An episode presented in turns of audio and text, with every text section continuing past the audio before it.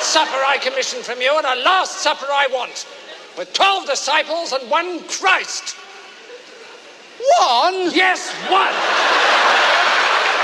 Now, will you please tell me what in God's name possessed you to paint this with three Christs in it? It works, mate. Works? Yeah! It looks great. The fat one balances the two skinny ones. There was only one Redeemer. I know that. We all know that. What about a bit of artistic license? Well, one Messiah is what I want. I'll tell you what you want, mate. You want a bloody photographer. That's what you want. Not a bloody creative artist. I'll tell you what I want. I want a Last Supper with one Christ, twelve disciples, no kangaroos, no trampoline acts by Thursday lunch, or you don't get paid. Bloody fascist. Look, I'm the bloody Pope, I am. I not know much about art, but I know what I like.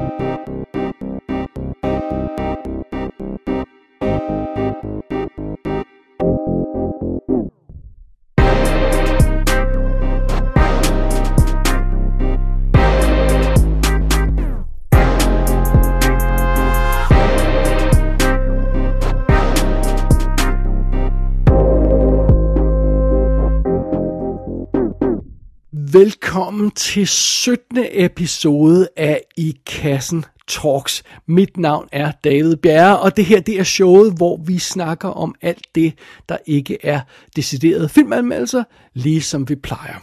Og samtidig så skal jeg jo så også byde velkommen til anden årlige gennemgang af mine top bottom lister. Altså listerne over de bedste og de værste filmoplevelser fra det forgangne filmår. Fordi det her, det er, det er altså anden gang, vi gør det. Første gang, vi gjorde det, var i, i kassen Talks 2, tror jeg. Det vist nok var. Vi nåede vist at lave lige et øh, enkelt show inden øh, listerne sidste år, og, og det, er jo, det er jo altså, det er jo, showet har jo, kun- i kassen Talks show har jo kun eksisteret i et år i 2020, øh, 21, hvad det nu er, vi siger. Så det er meget fascinerende. Så det her, det er altså anden gang, vi gør det, og det er det eneste, der er i det her show. Det er altså gennemgangen af top 20 og bottom 20, fordi det tager i sagens natur lidt tid. Så, så sådan er det. Og ja, vi nåede jo altså igennem endnu et bizart filmår. Måske, måske var 2021 filmåret ikke helt lige så bizart som, øh, som 2020 var, men altså, øh, vi, vi er jo stadigvæk i corona en skygge. Vi er stadigvæk i, ja, i en mærkelig verden, og sådan er det bare. Ja. Ja, det, det, må man jo, så det må vi bare finde os i. Sådan er det. Øhm, jeg fik set, i øvrigt bare lige for en indskudt bemærkning her, jeg fik set 292 film sidste år. Det er 37 færre end i 2020, så, øhm, så det er jo, ja, det, øh, det, det var nok i virkeligheden mest, fordi jeg fik set flere tv-serier. Og tror jeg, ja, ja, det vil jeg våge at påstå. Men under omstændigheder, man kan se mine stats på bloggen, øh, link i shownoterne, hvis man vil se. Og jeg tror også, jeg kommer til at nævne lidt om min næste, næste show. Men øhm, det tager vi alle sammen til den tid. Alright, fair enough. Øhm, nu er vi klar. Vi er klar til at gennemgå listerne. Vi, øh, vi har dem liggende foran os her. Jeg har en kæmpe stak papirer. Top 20, bottom 20, de 20 bedste, de 20 dårligste. Og som altid, så starter vi altså i bunden af toplisten. Og så arbejder vi os op til toppen af toplisten, og så går vi videre til øh, bunden af Nej, vent, okay, hang on a second. Okay, vi starter i bunden af bundlisten, og så går vi op toppen af bundlisten. Right, det er sådan der, ja.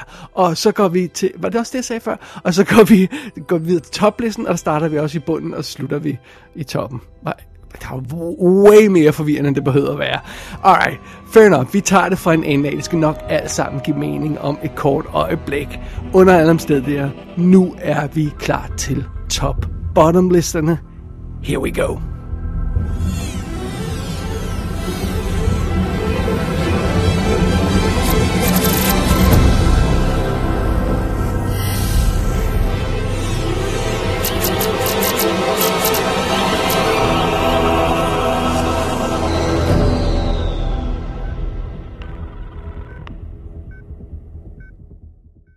You know, hvis det her det var et professionelt program, så havde vi for længst optaget starten om, fordi det var, det var noget værre sludder. Men nu kommer det hele til at falde på plads og give mening.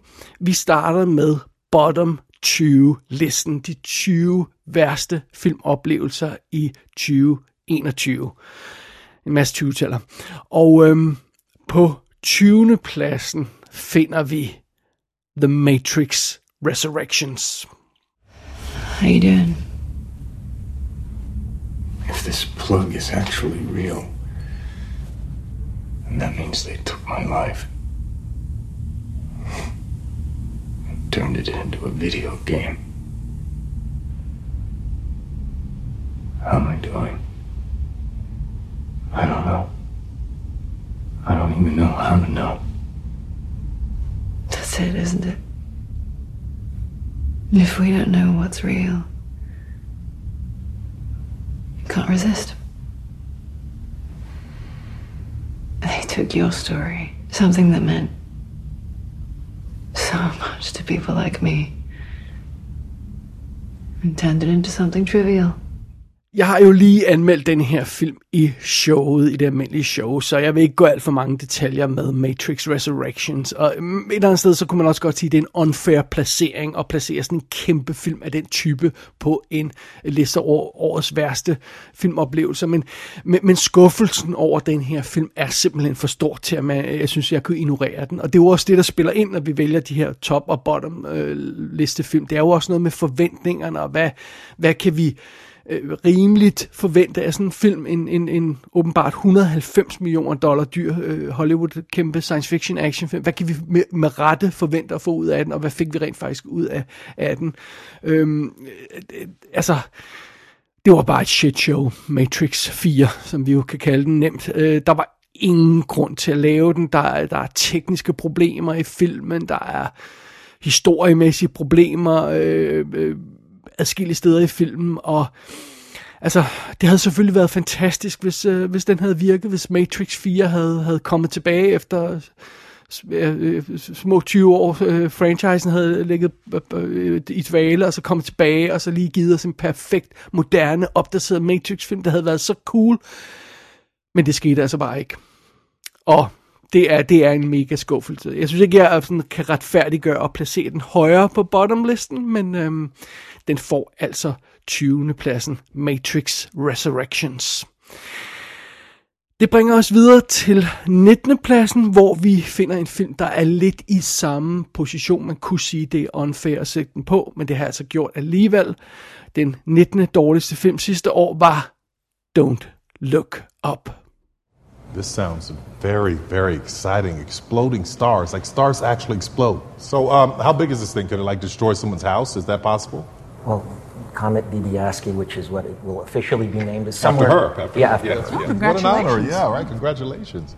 It's somewhere between six and nine kilometers across. So it, It's big. it would damage the the entire planet, not just a house. You know, The entire planet. Okay, well, as it's damaging, will it hit this one house in particular that's right on the coast of New Jersey? It's my ex wife's house. I need it to be hit. Can we make you that and- happen? You and Shelley have a great relationship. No, you stop. Listen, in all you fa- need to stop. I will, but in all fairness, I actually poke you to paid for the gun. house. I'm so sorry. I'm sorry, are we, uh, are we not being clear? We're trying to tell you that the entire planet is about to be destroyed. Okay. Okay. well, it's um, you know, just something we do around here. You know, we just keep the bad news light. Right. It helps the medicine go down. som jeg også sagde, da jeg anmeldte den her film for nylig, at jeg, jeg føler ikke, det her det er en ordentlig satire. Det, der sker i Don't Look Up, det er ikke satire, det skete i virkeligheden. Og jeg, jeg, øhm, jeg, jeg forstår godt, at der er nogen, der synes, den er, det, det, er en, det er en vildt passende og god film at lave, og den, den siger helt vildt meget, den rammer plet, og hvordan stemningen er, og hvad, hvad folk har brug for at få at vide. Men jeg, jeg tror, det er en... Øh, en, en fejl at lave den her film, en film som Don't Look Up, op og lave den på den måde, som man har gjort. Jeg tror ikke, den kommer til at have den effekt, som filmfolkene tror, de er preaching to the choir, og jeg føler, at noget af det, der mangler fra, øh, fra filmfolkene, hvem det så end er, hele produktionen bag Don't Look Up, jeg føler, at noget af det, de mangler, det er, de er ikke bevidst om, om konceptet science communication. Hvordan fortæller man folk om videnskab? Hvordan sørger man for, at folk forstår og acceptere fakta? Det er meget, meget sværere, end man skulle tro. Det er en videnskab i sig selv at kommunikere videnskab videre til kort og kort os almindelige mennesker. Almindelige videnskabsfolk kan ikke kommunikere deres egen videnskab videre til almindelige mennesker. Der er simpelthen folk, der er specialiseret i videnskabskommunikation. Og det element, tror jeg, er gået fuldstændig fucking forbi folkene, der har lavet Don't Look Up. Og ovenkøbet, så mener jeg simpelthen, det er en fejlvurderet film at lave på det her tidspunkt, og på den her måde. Og, og sådan er det. Ja, igen, jeg har næsten lige anmeldt den. Man kan høre den anmeldelse, hvor jeg går lidt mere mok på den, men øh, det, jeg, øh, det, det, var, det var ikke en god film, og det er derfor, den havner på 19. pladsen.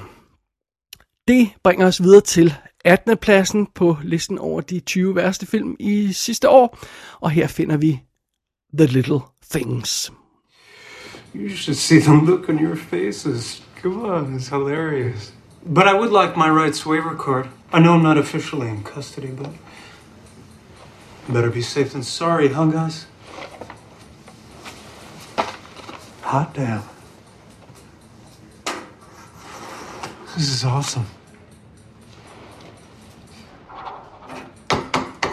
Can I keep this? No, I'm afraid not. Have fun. Hey, you wanna know something? Ernesto Miranda was actually guilty. Why did you abandon your car, Albert? The harvester had a big back end, Was good for hauling things around. Look, Jimmy. Detective Baxter. Whatever. Like I said, the car was stolen. Thank you for finding it. I'll drive it home. You'll be hanging on to it for a few Well, days. that's not very nice of you. Why didn't you report the theft? Well, you see, that's the funny thing. I did. Somebody's got some homework to do. Som jeg også tror, jeg nævnte, da jeg anmeldte filmen, så var den altså øh, oprindelig, øh, eller den er baseret på et manuskript, der sådan oprindeligt øh, øh, øh blev skabt tilbage i, jeg tror det var 93. Og hvad sker der så, når man laver en film i 2021, som er baseret på et manuskript i 1993, og apparently ikke har ændret særlig meget ved det? Well, så havner man i det problem, der hedder, at vi har set alt i den her film før. The Little Things føles som et, et stort rip-off af Seven. Hvilket jo så er unfair, fordi Seven er fra 95, så åbenbart var det her manuskript skrevet før. Men tag ikke fejl, altså hele, hele ideen med Seven og alle de her true crime dramaer, der er kommet bagefter, alle de her procedural tv-serier, alt det der haløjse. Vi har set det her med ja- jagten på en, en, en seriemorder så mange gange, at The Little Things føles simpelthen som, som uh, old news. Og derudover så er filmen altså klodset skruet sammen, den er dum, den er usammenhængende, og jeg må altså indrømme, Rami Malek, han irriterer mig nu næsten i alt, hvad han laver.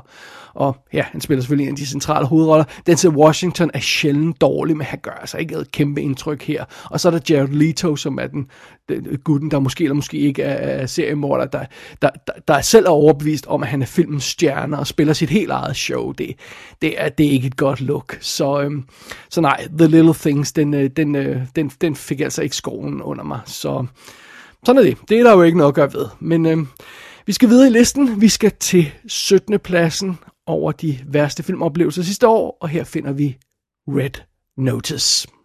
Hello, boys. Oh my god. Wow. You're the captain? You might benefit from a little career change. I mean, I'm I don't think runway, but definitely regional catalog work, flyers. She's the bishop. No shit, dip dick. It's so nice to finally meet you, Mr. Booth. Such a thrill to be face to face with the second best art thief in the world. Oh, well, I I see what you did there. That's Yeah, you got lucky a couple times early on, you know, but you can't name one time in the past year that you beat me. Helsinki, My parachute failed. Jakarta, My Segway sank. Macau. Nobody knew that Miley Cyrus was going to be there. It was a completely unannounced show. You can have excuses or results. Not both. Seriøst, hvordan kunne de fuck denne her film op? Det kan jeg stadigvæk ikke helt forstå. Altså, de havde det her kæmpe store budget på Red Notice. De havde en Netflix i ryggen. De havde de her tre kæmpe store stjerner. Og så endte de altså med at lave den her øretæve indbydende film, der ser halvbillig ud det meste af tiden, og formår at gøre Ryan Reynolds uschammerende. I'm, I'm sorry, det, det, det kræver en vis form for talent, men ikke den rigtige slags talent. Det gør det altså ikke. Øhm, der, der, der mangler simpelthen for meget Red Notice. Den, den fungerer simpelthen ikke, og Nu har jeg sådan lidt, læst lidt op på den, der kommer lidt ud om den efterfølgende, og, og muligvis så er noget af grunden til, at den ser så billig ud, det er, at øh, den er lavet under, halvdelen af den i hvert fald er lavet under ret strenge øh, coronaprotokol øh, forhold. Så det vil sige, at skuespillerne, for eksempel de, to, de tre heldige i centrum, de er optaget på et tidspunkt, og så alle de extras, der er udenom dem, de er optaget på et andet tidspunkt, simpelthen for ikke at blande dem sammen. Og det, det skaber selvfølgelig nogle rent tekniske visuelle effekt udfordringer. Men oven i det, så har Industrial Light and Magic for eksempel lige sendt en video ud, som, som demonstrerer øh, deres effektarbejde på filmen. Og jeg er jo dybt chokeret, fordi det er apparently Industrial Light and Magic, virkelig et af de mest fremtrædende effektstudier, det er åbenbart dem, der har lavet alle de sekvenser i Red Notice, der ser fake ud. altså, det der tyre-effekter, jagten, den her jagt gennem de her tunneller i, til sidst i filmen, øhm, det er virkelig grimme skud, hvor The Rock og Ryan Reynolds er ved at falde ud over en bygning og holder fast i tag, der ser mega fake ud alt sammen er hun bare lavet Industrial Light and Magic. Det var, det, var, det var en lille smule øh, chokeret over. Men det er selvfølgelig de rent tekniske dele, og så ud over det, så, så er der altså bare det her med, at når øh, det er ikke en ordentlig heistfilm, det er ikke en ordentlig skattejagtfilm, det er ikke en ordentlig bodyfilm, og den mangler altså, at den mangler alt det her øh, sådan finesse og elegance, som jeg også nævnte, der anmeldte den. Den mangler, altså den mangler skarphed fra instruktøren og manuskriptforfatterens side, det gør den simpelthen. Red Notice er ikke en særlig god film. Det er sådan en, man sådan henkastet kan se på Netflix, og hvis man ikke når hele filmen, så kan man skære den over i to og se resten næste dag, uden det gør noget. Altså, okay, fair nok, så har man det. Men en 200 millioner dollar øh, kæmpe højt profileret actionfilm øh, øh bør være bedre. Det bør den simpelthen. Speaking of which, det bringer os til 16. pladsen, hvor vi har Fast and Furious 9. No, no, no, no, no. Do y'all not understand?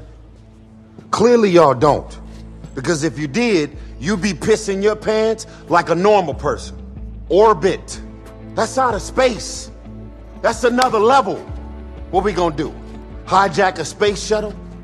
Put rockets on our backs? That's exactly what we're gonna do. What? Yep, vi har fucking Fast and fucking Furious in fucking space.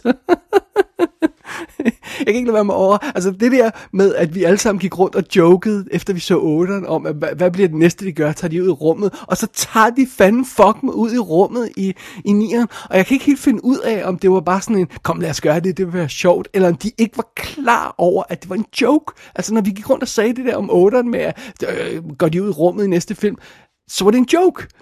Og det gør de i, ni, i nieren her. De, de, de går ud i rummet, og, og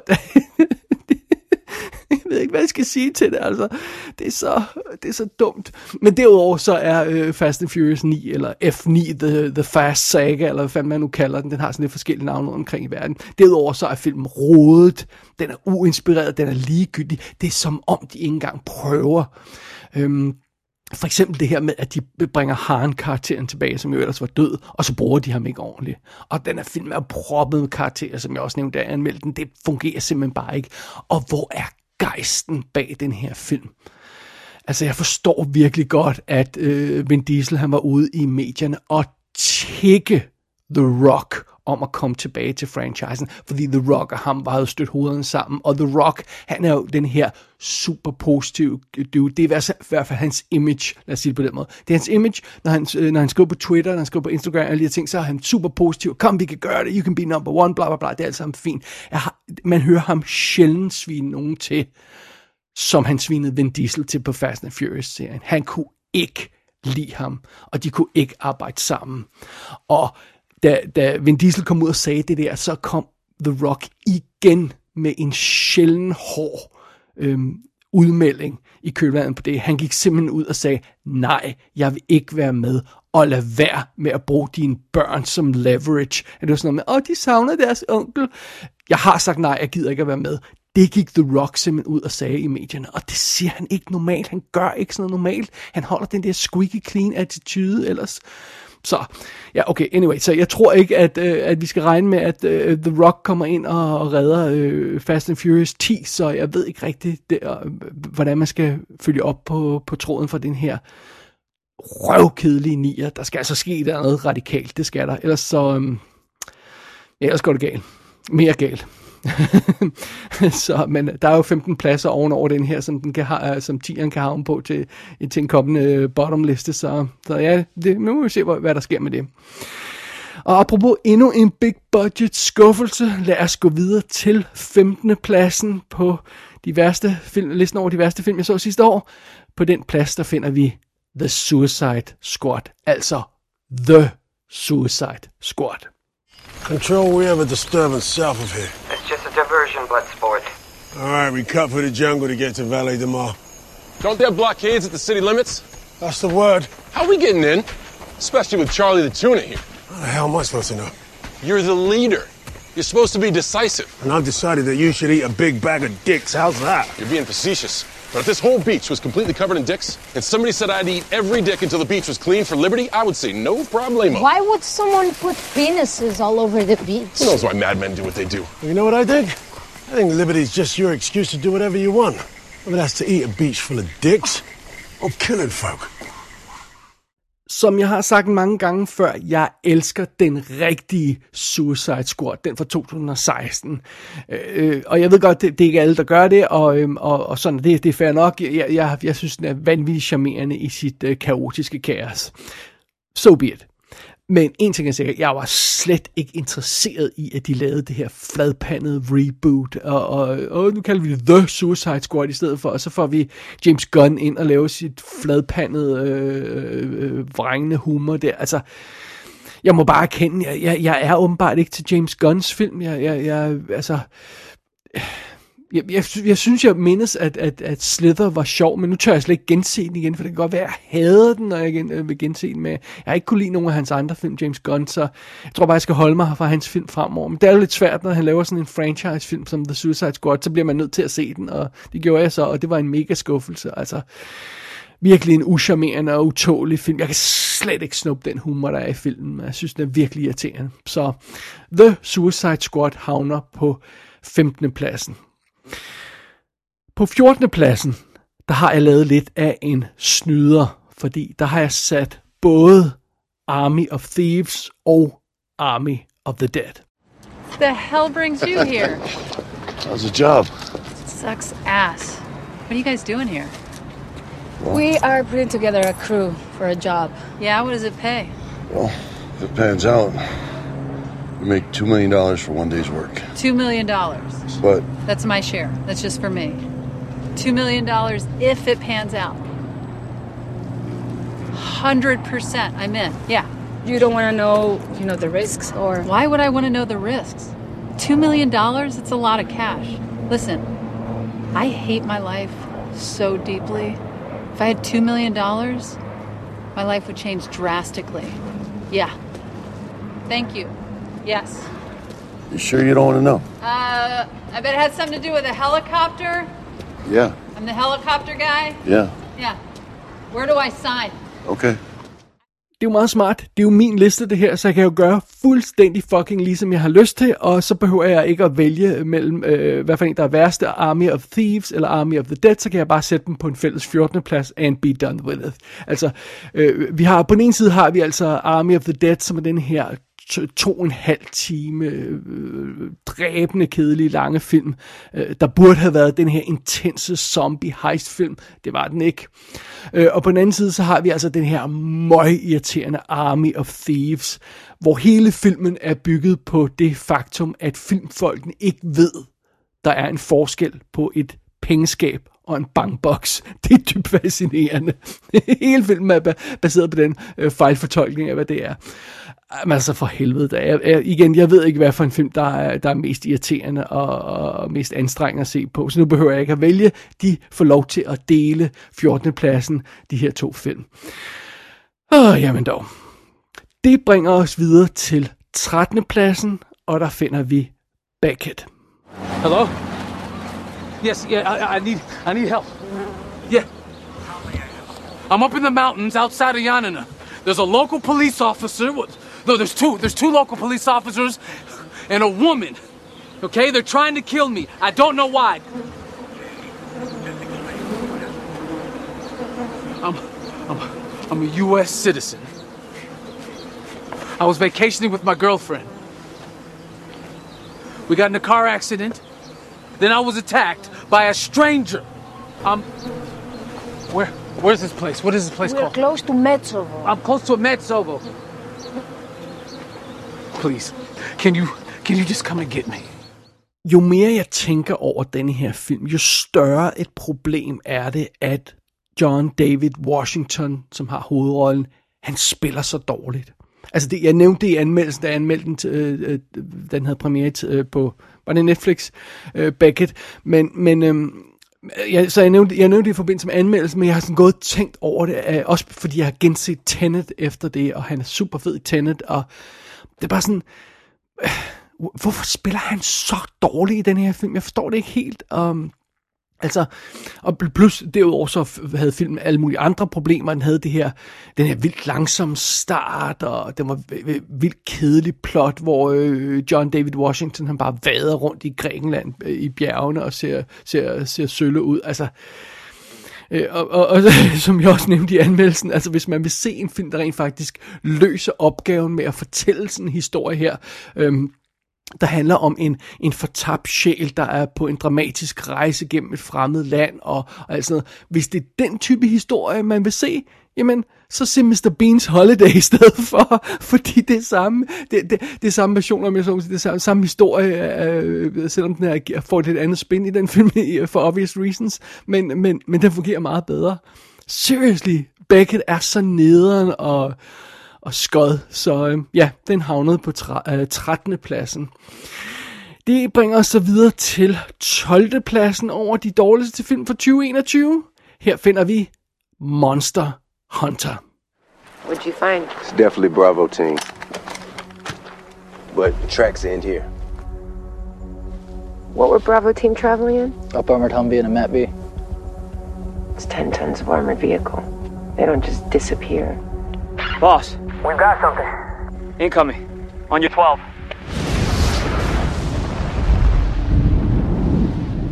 Where the hell did that come from? Just came out of nowhere. Bravo team reported a storm in their last transmission. Hostiles using it for cover. An ambush, like in Hellman? But let's not find out. Som jeg vist nok har nævnt flere gange, jeg elsker i virkeligheden Paul Anderson. Altså Paul W.S. Anderson, den rigtige Paul Anderson. Øh, og selv når han laver dårlige film, og det gør han immer væk tit, så er der et eller andet øh, med ham alligevel. Men altså sådan nogle film som Mortal Kombat og Soldier, som jo er øh, nonsens, og Alien vs. Predator, Predator, som også er noget lort. Altså, men der er bare et eller andet over hans film alligevel. Der er sgu et eller andet charmerende ved dem, og, og så elsker jeg Mila Jovovich, og, og hun er jo også i hovedrollen her i Monster Hunter, og, men for helvede da, det, det, øh, det, øh, det var en stinker. Øh, selv hvis man går ind til den her film øh, med den der holdning, at nu skal man se den her dumme, larmende, uforpligtende actionfilm, selv hvis man går ind til filmen med den holdning, så skuffer den alligevel. Altså, og, og det, det, synes jeg- selv, selv når Paul Andersons andre film har skuffet, så kan man altid sige, ja, hvad, hvad fanden regnede jeg med, det var en Paul Anderson film. Her, der synes jeg, øh, jeg vil sige, ej, ej du må, det, det, det skulle være, end jeg havde regnet med. Altså, øh, det her med, at der ikke rigtig er nogen historie i filmen i Monster Hunter, der, der er ikke rigtig nogen ordentlige karakterer, der er ingen charme over filmen, som jeg, som jeg også nævnte i anmeldelsen, og, og så slutter den ikke, fordi, når man, og, og, og, det kan være, at vi kan lave en toer, fordi det er baseret på et eller andet computerspil, så altså, ej, seriously. Hvis man vil se en god Paul Anderson film, der er shit, men alligevel er god, så skal man se uh, Three Musketeers. Den er fantastisk. Eller den originale Resident Evil, som rent faktisk synes jeg var god. Så, men drop Monster Hunter. Den var altså, den var, den var bare en skuffelse. Der, der er ikke så meget at gøre der. Og øh, man kan fornemme, måske fornemme en trend her på den her bottom liste, fordi vi har altså mange af de her store actionfilm for året. Der er mange af dem, der har skuffet, og selv dem, der ikke har skuffet fejl, de er stadig ikke gode nok til at nå toplisten, så er der nogen, der ligger og- og bobler øh, ind imellem de to lister. Og øh, på 11. pladsen, der finder vi endnu en af de her stort anlagte actionfilm, som blev snuppet op af en øh, streaming service undervejs. Og i det her tilfælde, så snakker vi om Infinite.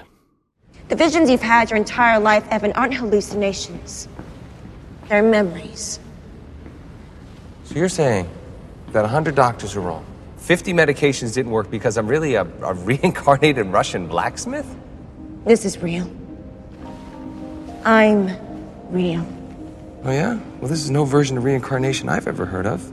Buddhist, Hindu, Sikh, they believe each life begins with a clean slate. The Answers you've been looking for all your life. All you gotta do is get on that plane. Asking myself right now is what if the craziest thing I've ever heard, and this is some crazy shit, is actually the first thing that's ever made any goddamn sense? I don't gotta go feed the cat, so let's go.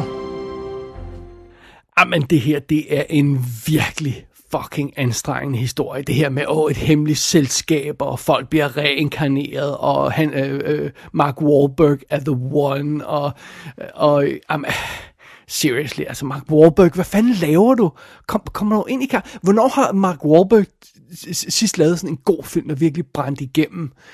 Øh, nu har jeg ikke lige hans CV foran mig lige nu, men, men det er fandme lang tid siden, han virkelig har brændt igennem. Og Antoine Fuqua, Øhm, han, kan, han, kan, han kan bare ikke øh, overgå de her to første film, han lavede. Replacement Killers og Training Day. Og det er meget sjovt, hvis man, hvis man ser øh, traileren på... Der, der er jo nogen, der har lavet sådan en gennemgang af alle hans trailere. Jeg kan huske, om jeg nævnte det i showet før, men nu tager vi lige igen så. Øh, men hvis man tager alle trailerne for, for, for, øh, for, for øh, Antoine Fuquas film, så kommer der altid det her på til sidst, From the Director of Training Day. det, det, den er jo altså nogle år gammel efterhånden, 20 år gammel, og alligevel så har han ikke lavet noget bedre siden, så der kommer altid From the Director of Training Day på. Øh, stakkels mand, der, der, der, der, er ikke, der er ikke nogen nyere film, man kan smække på der, fordi han har ikke lavet noget nyere, der er godt.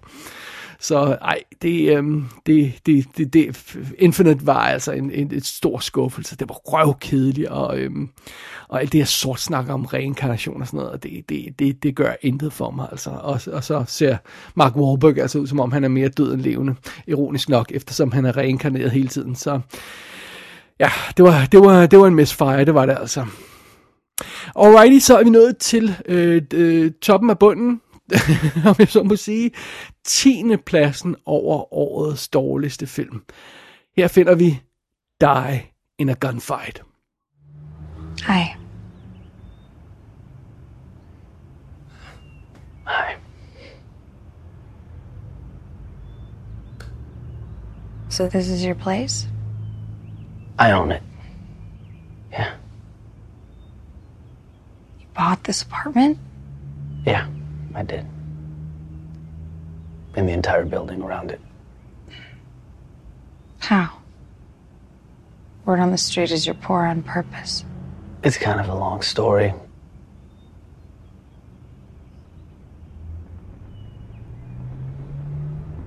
Why didn't you write?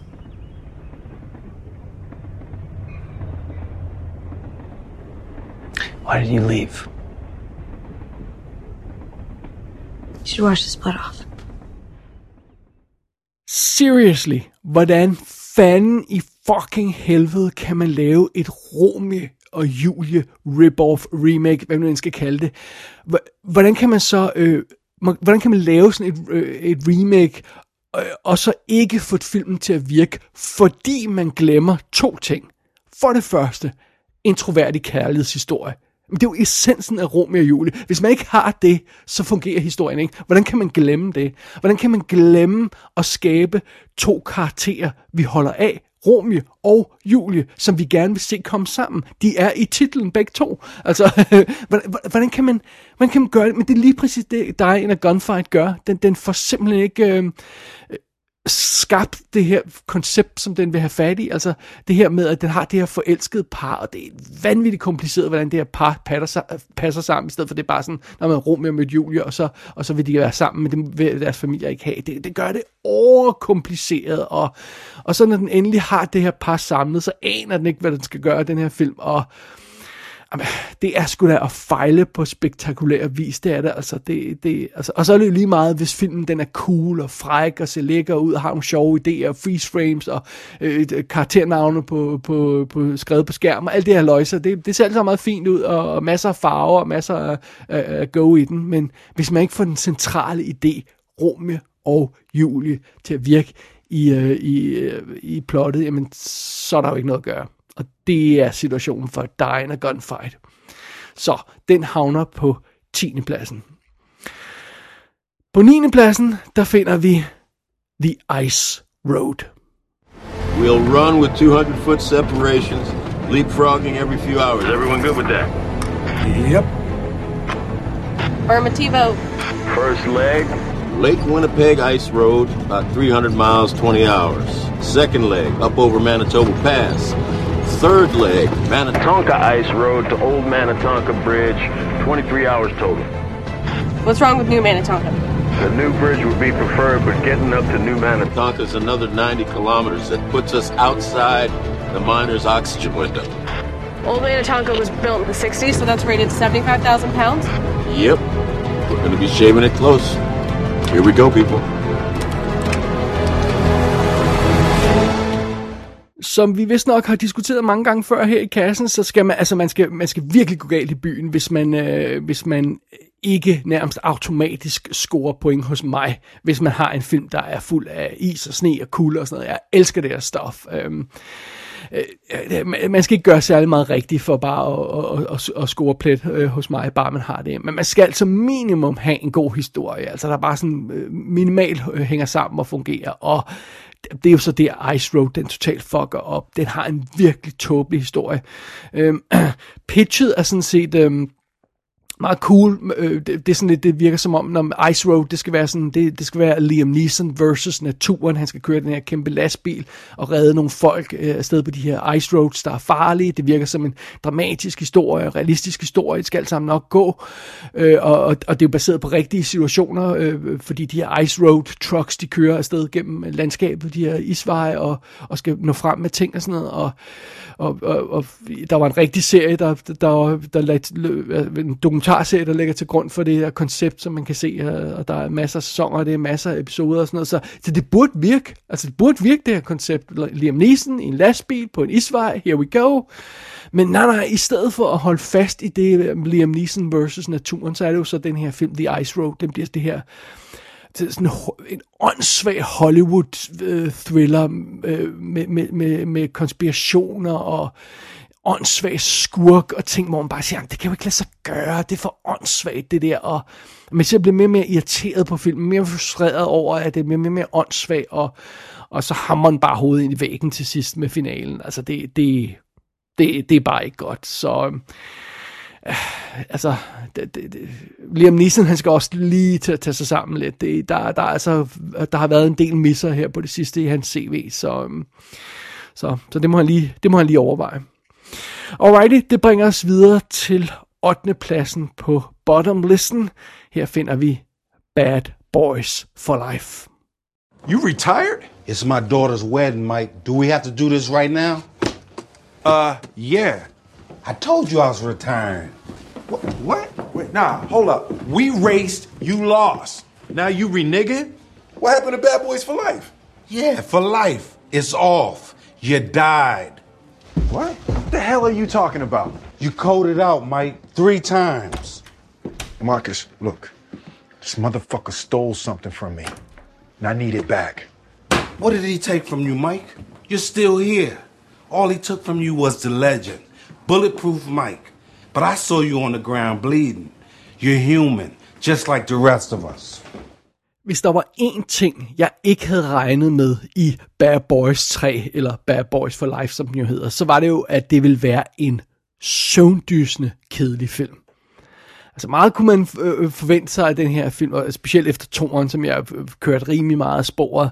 Men at den var decideret kedelig, det, det, det så jeg godt, øh, godt nok ikke komme. Og i øvrigt så har jeg, jeg, jeg gad ikke engang anmelde den her film i showet, fordi den var, det var simpelthen så røvkedelig. Og hvorfor fanden laver de den nu? Altså den er fra 2022, mere end noget, så at se den 2021, det er derfor den er med. Men hvorfor fanden laver de Bad Boys 3 17 år efter toeren? Altså, hvor, hvorfor? Øh, og øh, filmen er noget mudder, og plottet er elendigt, og, og, og det hele er noget vås, men, men, men, men derudover så er der også, der er også andre ting, der, der er problemer. Altså, Martin Lawrence ser ikke rask ud i den her film. Han ser oppustet ud, og her mener jeg ikke, at han er fed eller sådan noget i stil. Jeg mener, at han ser ud som om, han er på medicin. Martin Lawrence i den her film. Han ser ikke godt ud. Og han ser, virker ikke som om, han er til stede. Han er ikke på, han er ikke timet, han er ikke comedy timing i den her film. Og øh, Will Smith ham har jeg bare fået nok af. Jeg gider ham simpelthen ikke mere. I'm sorry, jeg ved, jeg ved ikke rigtig, hvad det er, han har gjort, men, men jeg er bare træt af Will Smith. Øh, og så får de introduceret det her nye hold af karakterer, som vi ikke har noget som et forhold til, og så er der noget ævl med, øh, og så går vi tilbage i fortiden og finder en anden historie, vi kan brygge sammen, og ej, men seriously, det er noget rod. Bad Boys for Life er noget rod. Så Øh, øh, øh, rådet må være, altså gå, gå tilbage til etteren. Øh, toren fungerer jo heller ikke, men, men etteren er awesome, og, og en fantastisk øh, 90'er actionfilm, og Michael Bay på toppen, og øh, se den igen, lad undgå for alt i verden Bad Boys for Life. Så ja, det er derfor, den havner på 8. pladsen. Det bringer os videre til 7. pladsen, hvor vi har en film, vi næsten lige har anmeldt, så øh, den har ikke så meget mere at sige om, men lad os lige få titlen på den. Den hedder Resident Evil Welcome to Raccoon City. Hey! Okay, Chief, what's this all about? Yeah, what's with the alarm? Well, if you all shut the hell up for a second and listen, maybe you'll find out. Honestly, I don't know. You don't know? That's right, Redfield, I do not know. What I do know is that Marini and Dooley are currently not answering their radios. They're investigating a report of a body up by the Spencer mansion. You think it's connected? Um, what's the Spencer mansion? Well, as I think most of you know, Oswald Spencer was the creator of the Umbrella Corporation. And the mansion was his home until the year of his death in what the fuck are you doing here, Leon? Oh, you said everyone into the briefing room, so here I am. I didn't mean you, you moron. Not you, Leon, everyone else. Og ja, jeg har godt nok smidt den her øh, anmeldelsen af den her film op i 2022, men den er jo altså set i 2021, og film er fra 2021, det er derfor, den er med på listen her. Så, og ja, det, det, det er jo øh, få dage siden, jeg, jeg anmeldte den, så ingen grund til at sige så meget mere om, om Resident Evil rebootet her, men vi kan bare lige konstatere, nu er jeg lige at tjekke box office-tallene, at øh, den har altså kostet 25 millioner dollars at lave, hvilket også forklarer, hvorfor den ser så billig ud øh, nogle steder. Og øh, øh, derudover så, så ser det altså ud til, til den ender med at tjene sådan cirka 30 millioner dollars på verdensplan. Og det giver jo altså røde tal, fordi filmselskabet kun får halvdelen af biografindtægterne, eller sådan cirkus. Og øhm, det betyder altså, at der det, det her, øh, den her øh, film, øh, Welcome to Raccoon City, det her reboot af, af Resident Evil-franchisen, det, det, det, altså, det kommer ikke til at starte en ny franchise. Man bliver nødt til at lade det ligge nogle år nu, og så, og så lave endnu et reboot en gang i fremtiden, og, og så lave noget, der der fungerer bedre. Lave noget, der har lidt kant og, og lidt, øhm, lidt spice, sådan noget. En eller anden god horror-instruktør burde lave øh, Resident Evil. En eller anden øh, sulten horror-instruktør. Det, det, det, der, der en til, det her det fungerer ikke. Hvad det end er, var det prøvet på med, med Welcome to Raccoon City, så virkede det i hvert fald ikke. Så det er derfor, filmen havner på den plads, den gør. Det bringer os videre til 6. pladsen, hvor vi finder endnu en katastrofal øh, øh, film, og det er Chaos Walking. We call it the noise. Happened to all the men when we landed on this planet. Every thought in our heads on display. It's fairly harmless, though. Some of us can control it better than others.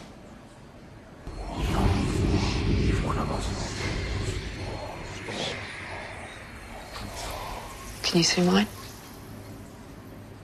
No. Didn't affect the women. Where are all the women? They're dead. There was a war, a terrible war, against a native species, the spackle. They overran our colony and they killed all the women, slaughtered them.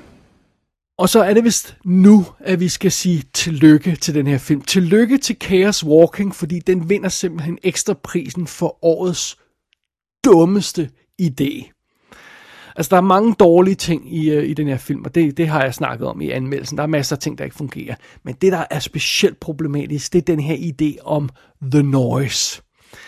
Altså, vi er jo i den her verden, hvor, øhm, hvor Øh, man kan høre mænds tanker, og, og, og det skal filmen så finde en øh, måde at, at vise på film øh, i, i billeder og lyd. Hvordan viser man, at, at, at folks tanker er tydelige, og den måde, de har valgt at gøre det på i den her film, er simpelthen så fucking irriterende med, at det, man hører øh, distortet lyd på lydsiden, og så er der sådan en boble af, af sådan noget øh, øh, farvede haløjse rundt omkring hovedet på. Altså, det, det, man skal se filmen for, fordi det, det, man, man tror, det er løgn. Altså, det, det er så irriterende, og det er så forstyrrende i filmen, at, der, at folk går rundt med de der bobler rundt om hovedet helt. Altså, what the hell? Øh, jeg, jeg fatter simpelthen ikke, at der ikke var nogen, der trak i håndbremsen og sige, vi kan altså ikke sende det her ud, vi er nødt til at løse det her basale problem i den her film, at hele konceptet, som den er bygget op om, The Noise, at det ikke fungerer.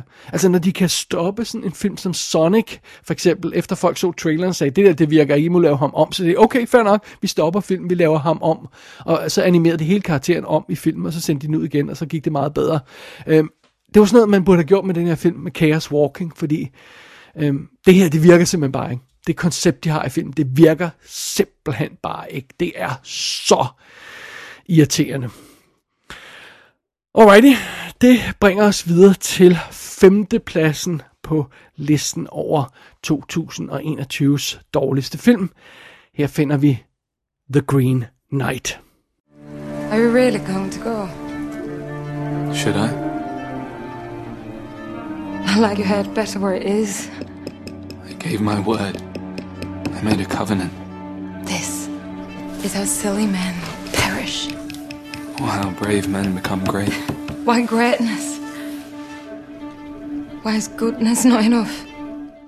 Jeg fik altså ikke anmeldt The Green Knight i selve i kassens show. Det var en af de her film, jeg sådan ligesom skulle nå at se, inden året var om, og det, det, det, det her race, man har, End of the Year race, det, det gør nogle gange, så bliver man nødt til at ondulere en masse film i træk, og, og så er der ikke nødvendigvis tid til at anmelde dem. Så det var altså en af dem, der faldt i den her kategori. Men jeg er også meget glad for, at jeg ikke skulle bruge fem timer på at anmelde den. Det må jeg indrømme, fordi øh, altså, det, det, det er et shit show, The Green Knight. Jeg kan læse mig til, at det er en ny fortolkning af, øh, af det her, den her øh, 1400-tals øh, historie med øh, Sir Gawain and the, and the Green Knight og, og bla bla bla, og det er altså meget fint. Øh, faktisk kan jeg læse mig til en hel masse interessante ting om den her film, men jeg bliver simpelthen nødt til at læse mig til dem. For øh, instruktøren David Lowry, han har altså øh, åbenbart ikke tænkt sig at proppe noget af det ind i filmen. Han har ingen intentioner om at forklare noget som helst, og øh, han, han virker som om, han er kold i røven for, om noget som helst giver nogen mening, eller øh, om nogen kan følge med, hvis ikke man kender historien på forhånd og sådan noget. Den her stil, som The Green Knight kører, er simpelthen så kvalmende selvfed, øh, og, og handlingen er, er fuldstændig øh, ugennemskuelig, hvis man ikke kender historien, hvis man ikke har lavet noget research på forhånd. Og så, og så øh, de fleste af scenerne, de er bare det her prætentiøse vås, som, som åh, simpelthen er så irriterende. Altså. Og øhm, jeg forstår godt, hvis der er nogen, der falder for filmens look og dens miljø. Specielt hvis man er til historier om ridder og, og gamle legender, og hvis man kender historien på forhånd. Så er det fair nok, så at man kan finde, finde noget kvalitet i, i, i uh, The Green Knight. Men altså, lur mig, om der ikke også er et massivt aspekt af kejserens nye klæder i den her film. Altså, øh, folk sidder der og ser den her, det her nonsens, og siger, holy crap, jeg må hellere lade, som om jeg forstår det her, og tror, det er stor kunst, fordi ellers tror folk, at jeg er dum. Åh, genial film. Øh, altså, og den attitude, som den film har kørende, at den ligesom kører på det, at folk ikke tør indrømme, at det er vås det irriterer mig mere end noget som helst andet i verden. Altså det, det, det, jeg, altså det her, det er, Green Knight er en af årets mest øretæveindbydende film. Altså det er, det er virkelig sådan en film, der burde bankes til ukendelighed, og så blive efterladt i en gyde et sted, så den kunne drukne i sit eget blod. Seriously.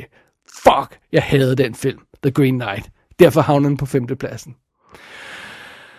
Ah, så fik vi anmeldt den lidt alligevel. Alright, det bringer os til fjerdepladsen, hvor vi finder Cosmic Sin. I can't give advice if I don't know the situation. Where is Ryle? Incoming. To protect us. Protect us from what?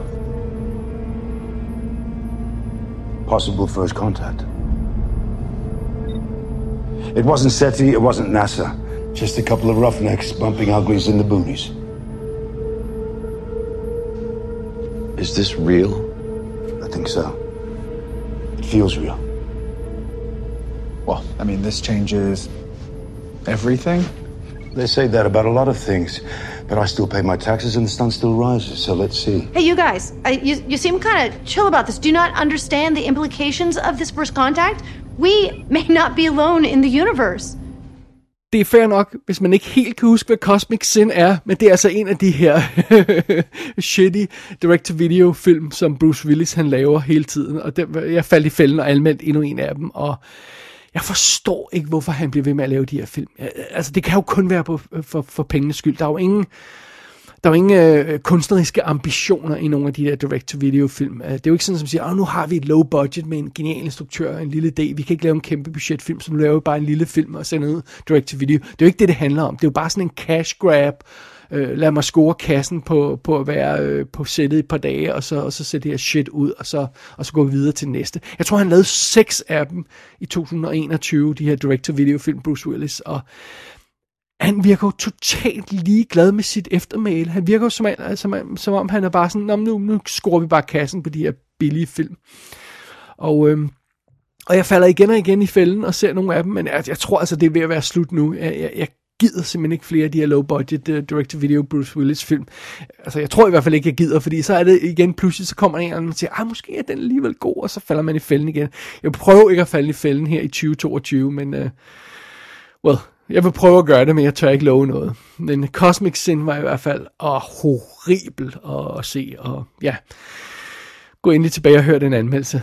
Det, ja, sådan det. Alrighty, nu er vi jo altså helt nede på top 3, eller bottom 3 listen, om jeg så må sige. På tredje pladsen over 2021's dårligste film, der finder vi Black Friday. This is some next level bath salt shit. No, it's just Black Friday. Excitement is in the air. Green Friday. That's right, Green Friday, baby. It's all part of the fun. It's known as competitive shopping. Anita got a black eye last year and she took it like a champ. Ah, oh, fuck that. Some woman just attacked Emmett. It's like she wasn't a person anymore. I hit her with a fucking skateboard. She didn't even feel it. Try calling the cops. Oh, no. No, do not call the cops. Are you kidding? You call the cops, and this place shuts down. Now, if we work efficiently, we can reopen by maybe 2 a.m. Reopen? Are you insane? Line's busy. I got their voicemail. Did you know the police had a voicemail? This is the biggest night of the year, okay? Corporate expects us to do six figures this weekend.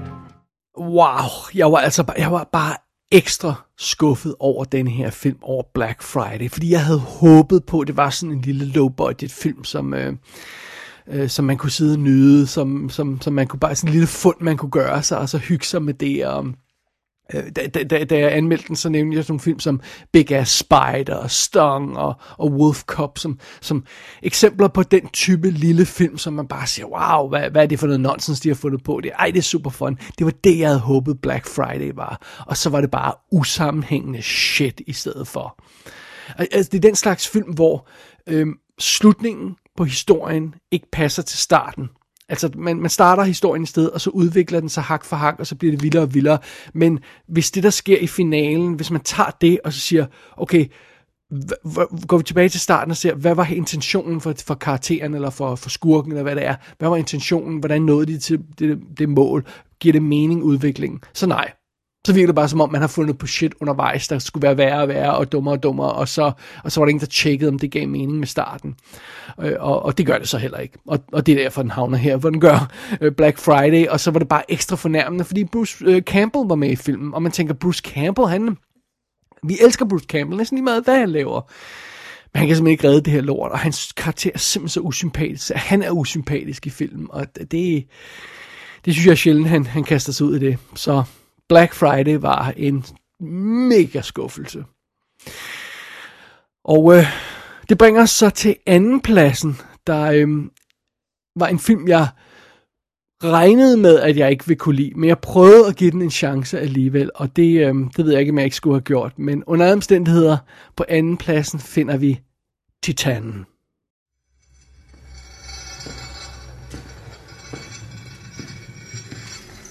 Tu crois que tu vas faire quoi avec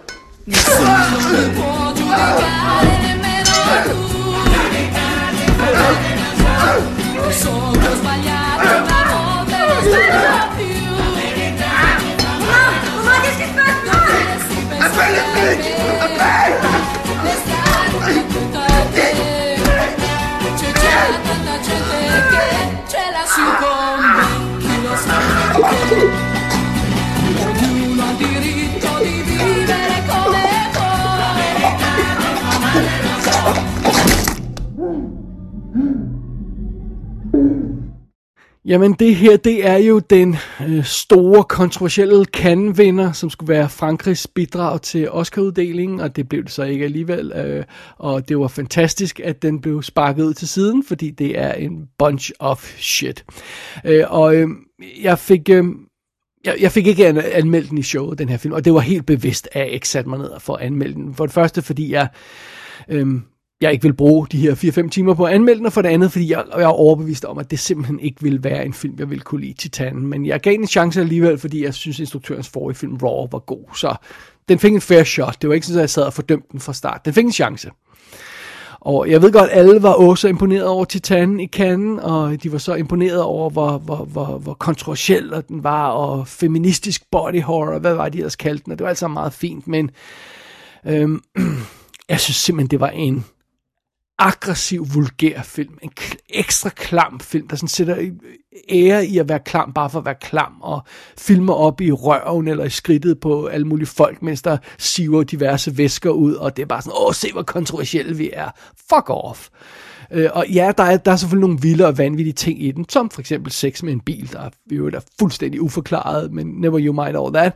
Øh, men, men øh, når man sådan får skrællet de der lag af, af, af, af, af snavs væk fra filmen, så er den rimelig ordinær i sit øh, grundplot, Titanen. Det handler simpelthen bare om en, der kommer ind og indtager en anden persons identitet, og, og hvad, øh, hvad kan der komme ud af det. Og det, jeg føler, at jeg har set den her film sådan utallige gange før i alle mulige andre afskygninger, sådan det grundplot, og det er sådan en tung og ligegyldig, og irriterende historie. Man sidder bare og venter, åh, hvornår må hun bliver fundet ud af, at øh, den her karakter, der lader som om hun er, hun er en fyr, og, og, og hvornår bliver det fundet ud af, og det, det var det var bare irriterende. Jeg synes, det var irriterende film at se, og, og, og, og, og hvor kedelig det meste af tiden. Altså, øh, og, og, hvis den ikke var kedelig, så var den bare varmel, og, og så...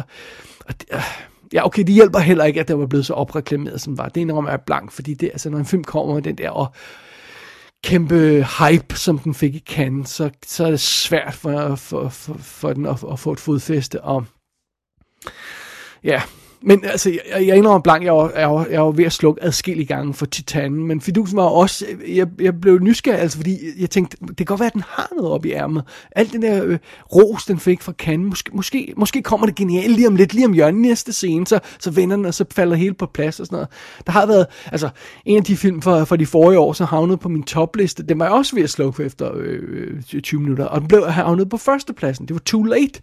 Øh, men så faldt det helt pludselig hak og skal alt mening, og jeg blev ved med at sidde og håbe på, at det var det, der ville ske for Titanen. Men øh, det gjorde det ikke. Det var en gennemført forfærdelig film, og en af årets dårligste. Faktisk næsten den allers dårligste. Men øh, den kommer ikke helt op på førstepladsen, Titanen. Førstepladsen, den dårligste film, jeg så i 2021. Oh, ah, der har vi, den har, førstepladsen har vi gemt til en rigtig speciel film. Her finder vi Malignant.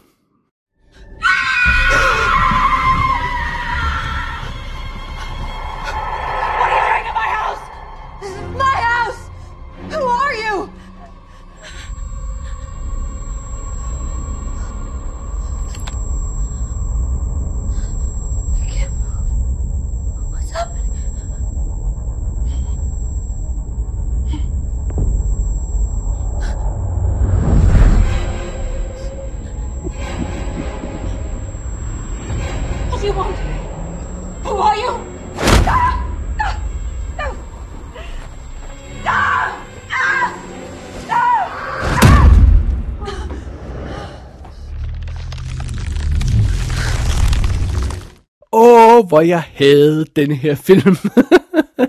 det er ikke bare årets dårligste film, det er også årets mest grinagtige film. Øh, jeg vil ikke spoil den, fordi jeg synes næsten, man skal have fornøjelsen af at sætte sig ned og se den her film, og finde ud af, hvad det er for noget fucking nonsens, der foregår i den. Altså, øh, øh, altså man vil simpelthen slå en håndelig latter op, når man ser, øh, øh, hvad det er, den her film har oppe i ærmet, med Lignant. Øh, altså, det er simpelthen så utroligt.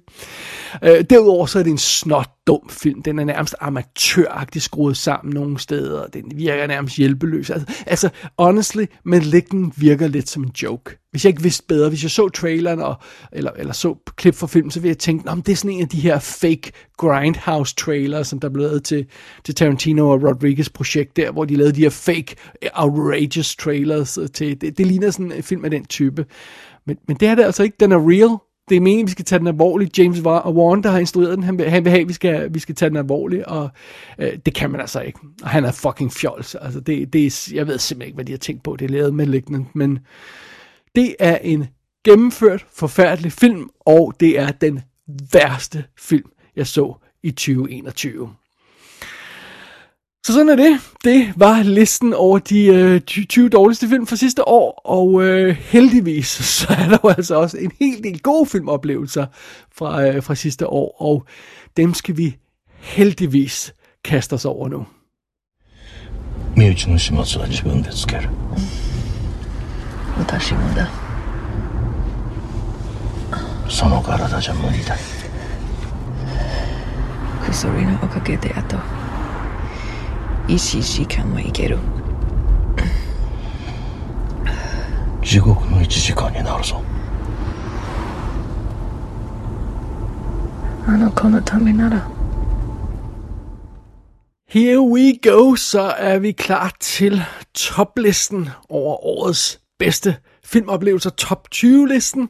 Og øhm, mm, jeg indrømmer blankt, at den er en smule bizarre nogle steder, men det er jo selvfølgelig også igen en refleksion af det bizarre filmår, som, som 2021 var. Øhm, altså, alle de store Hollywood-film skuffede næsten på en en eller anden måde, og jeg må også indrømme, at jeg tror også, jeg sagde det sidste år, jeg, jeg, jeg, jeg fik simpelthen ikke set så mange seriøse dramaer, som jeg burde, øh, øh, fordi jeg simpelthen ikke var i humør til det det meste af tiden. Og, og, og man må sgu også beskytte sin egen øh, øh mentale tilstand, tilstand lidt nogle gange, og, og så ikke sætte sig ned og se sådan vildt deprimerende, øh, sørgmodige drama eller sådan noget. Det, det, var, det var 2021 filmåret altså ikke til det meste af tiden. Jeg fik presset et par stykker ind, men det meste af tiden, så var jeg altså ikke så er jeg bare ikke frisk på det. Og det må man bare kende, og det er også derfor, øh, toplisten ser lidt mærkelig ud. Det er ikke en undskyldning, det er bare en forklaring. Sådan er det. Men med, med det i tankerne, så lad os tage fat på de 20 bedste film fra sidste år. Vi, tager, altså, vi starter på, øhm, på 20. pladsen i sagens natur, og her finder vi Don't Breathe 2. Wow, you're pretty. What's your name, gorgeous? Mine's Raylan. I don't care. I need to go. My father's waiting for me.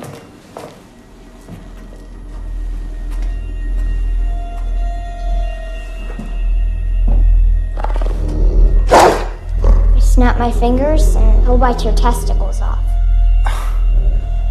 Wow. Okay. Well, I'm sorry if I scared you. Who said you did? Don't Breathe 2 var en virkelig positiv overraskelse, som jeg også nævnte, da jeg anmeldte filmen. Det var, det var en af dem, jeg troede, man ikke aldrig nogensinde ville se en toer til, og, og netop fordi det var sådan en mærkelig filmår, så hørte man ikke rigtigt om, altså der var mange produktioner, man ikke rigtig hørte om, så pludselig dukkede den bare op. Hov, de laver en Don't Breathe 2, det havde jeg det var nærmest ikke gået op for mig. Øh, og, og, det var også fordi, man, det var lidt svært at forestille sig, at man kunne lave en, en, en opfølger til, til, til Don't Breathe 1. Øh, men det kunne man så godt, man skulle bare gå i en lidt anden retning, og det var så det, den her toer gjorde. Øh, det var sådan... Øh, der var det her øh, røveri-aspekt fra, fra, fra den første film på Svansen lidt, og, og, og det var stadig en home invasion film, det var, nu er det bare home invasion men, men på, på sådan en lidt anden måde, og, øh, og, og, og Don't Breathe 2 var bare en, en, en super nasty, cool lille film, der, der udspiller sig i en, i en mørk verden, og Igen så har vi Stephen Lang i centrum som den her blinde dude, der er en mega badass, og han er super cool, og jeg mener om, den virkede meget. Jeg synes, det var en virkelig fed oplevelse, og jeg har ikke fået vist den for min, øh, for, for min mutti endnu, og, og min lillebror, men, øh, men det, det skal nok komme på et tidspunkt. Øh, øh jeg skal lige have den fat ind med danske tekster, så, så, så, så skal vi se den til en, til en filmaften i Bjerrehuset, fordi jeg viste, jeg viste dem etteren, og, og, og selvom min mor var lidt chokeret over, hvad der skete i, i, øh, i den første Don't Breathe, så, så var hun alligevel godt underholdt. Så, så vi prøver også med toeren, det, det skal nok blive godt. Den tid, den, den glæde. Alrighty, det var 20. Øh, pladsen, så går vi videre til 19. Øh, pladsen på toplisten. Her finder vi The Oak Room. What the fuck is that? It's a coaster. Is it? Are you sure it's not a fucking skidoo? Go ahead. What? Take a look.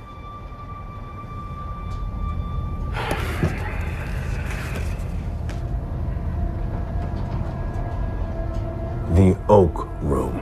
And? It's a bar in Elk Lake. I know that. Who gives a shit? Well, I was there this weekend. Once more for the cheap seats. Who gives a shit? You should. Why's that? Because you're never going to believe what happened at the Oak Room. Det her, det er jo en speciel lille film, fordi The Oak Room er nærmest bygget op om, hele filmen er bygget op om den her øh, øh, sådan joke-idé, en mand kommer ind i en bar. og, og, og hele filmen foregår næsten udelukkende i en bar mellem to karakterer, en på den ene side af baren og en på den anden side af baren. Det, det er sådan øh, i forskellige barer med forskellige karakterer, men det, hver scene øh, holder sig næsten til det setup, og det er super cool.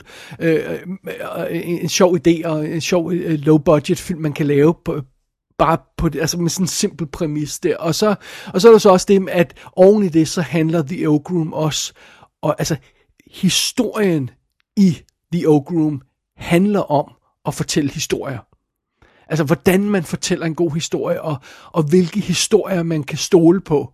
Det er sådan lidt, altså, øh, i anmeldelsen kaldte jeg den sådan barhistoriernes The Usual Suspects, og det er sådan lidt det, vi har, det, det, det, det er meget godt i al beskedenhed, øh, meget rammende på, øh, på, hvad det er, vi har med at gøre her. Det er sådan en, det er sådan lidt metafilm over det, metafortælling over det, den måde. Det er ikke bare sådan folk, der sidder i en bar og fortæller historier, der, der, der er sådan en thriller-element i det, der er vildt cool. Og, Altså bare en genial lille low-budget film, og jeg elsker den slags. Jeg elsker, når man kan gøre så meget med så lidt, og, og få det hele til at hænge sammen, og det gjorde The Oak Room, så øhm, det er en uh, varm anbefaling herfra.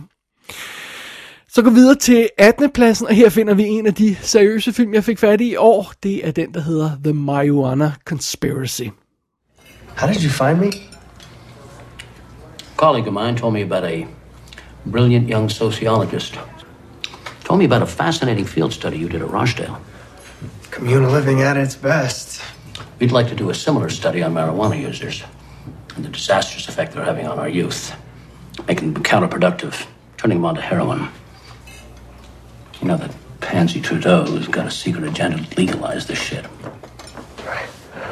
And I'm, I'm guessing that's not your agenda. Yeah. This ain't how I operate, brother. I'm a behaviorist. A what? We observe and learn. Just let it happen. If your fix is in, don't waste your money on any research or my time. Fair enough. The ARF needs to know more about this pandemic, and we are very well funded. So you might want to just let it happen. Think about it. Jeg må indrømme, jeg kan faktisk ikke helt huske, hvordan det var, jeg faldt over den her film, The Marijuana Conspiracy. Øhm, men, øhm, men det var sådan en af de her situationer, hvor jeg sad og læste om den her film, og tænkte, åh, det lyder som en meget fed historie. Så læste jeg lidt videre, og så bare, ho, what the fuck? Det er en sand historie. Ja, det er en sand historie. Den udspillede sig i øh, 1972 i Canada, hvor man simpelthen satte det her eksperiment op, der gik ud på, hvad, hvad sker der, hvis vi beder en række unge kvinder ryge pot hver dag i 90 dage? Hvad sker der så? Det er sådan et, et eksperiment for, for, for de negative effekter for, for marijuana og, og pot og den slags. Så det, det, det, altså, det er jo noget, lyder som et vanvittigt eksperiment. Det var altså statsautoriseret eksperiment, man, man, man lavede der. Og, øh, øh, øh, filmen er selvfølgelig det er ikke en kæmpe mega øh, budget Hollywood-film. Det er sådan en lille kanadisk mellem-budget-film, men, men, men, øh, men det, det, det, de har sgu held med at fortælle en god historie. Og det er, at den rigtige historie er mega fascinerende og faktisk vigtig at, at, at, at få fortalt, fordi der, der er nogle aspekter i, hvordan man behandler specielt kvinder i sådan et eksperiment her, og, og, og de her rigtige kvinder, der var igennem det her eksperiment, de fik aldrig deres testresultater at vide, så de ved ikke, hvad for nogle effekter det har haft på dem, og sådan noget. Det er super dramatisk, og en, øhm, en virkelig interessant historie med masser af interessante aspekt, aspekter i, og masser af interessant guf i, og, og, som, og, og, og så baseret på en sand historie, som man kan gå ud og læse mere om, og det, det er vildt fascinerende. Så det er, det er min 18. plads, The Marijuana Conspiracy. Og øhm, ja, det betyder så, at vi skal videre til 17. pladsen. Der finder vi også en lille speciel film. Den hedder Rising Wolf. Okay, listen. Listen to me. Listen to me. I don't have much time. You need to hide your phone. No matter what, don't use it. Don't let anyone find it. They've taken me. None of this is going to make any sense to you right now, okay? We, tried. We tried to avoid it. It didn't work. What do I do? What do I do? Who are these people? Warn, you warned us this could happen. Don't ever blame yourself, okay? You have a twin sister, Zara. If you live, find her. You need to be strong. You, you hear me? Your dad left a voicemail. Det her, det er jo så endnu en af den slags film, der har det her high concept format. Vi er, vi, vi er i en elevator, og der vågner en ung kvinde op, og hun er bundet på hænder og fødder, hun er, eller på hænderne i hvert fald, hun er bind for øjnene. Hvem er hun, kvinden der? Hvorfor har hun havnet i den elevator? Og, og alt det her løjser. Og det er altså filmens udgangspunkt. Det skal vi så finde ud af. Og jeg elsker, når en film har det her sådan cool, simpel pitch.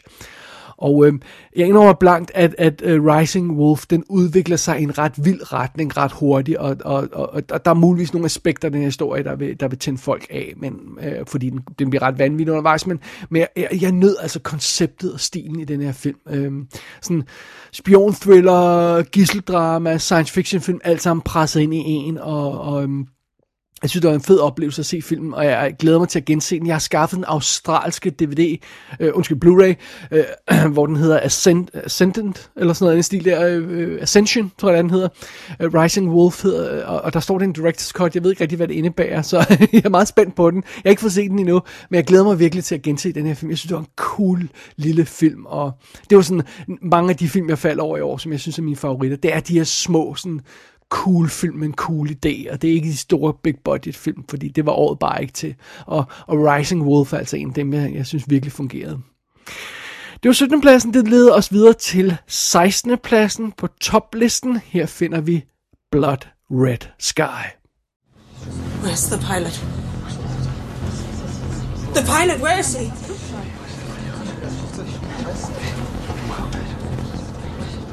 The pilot is dead.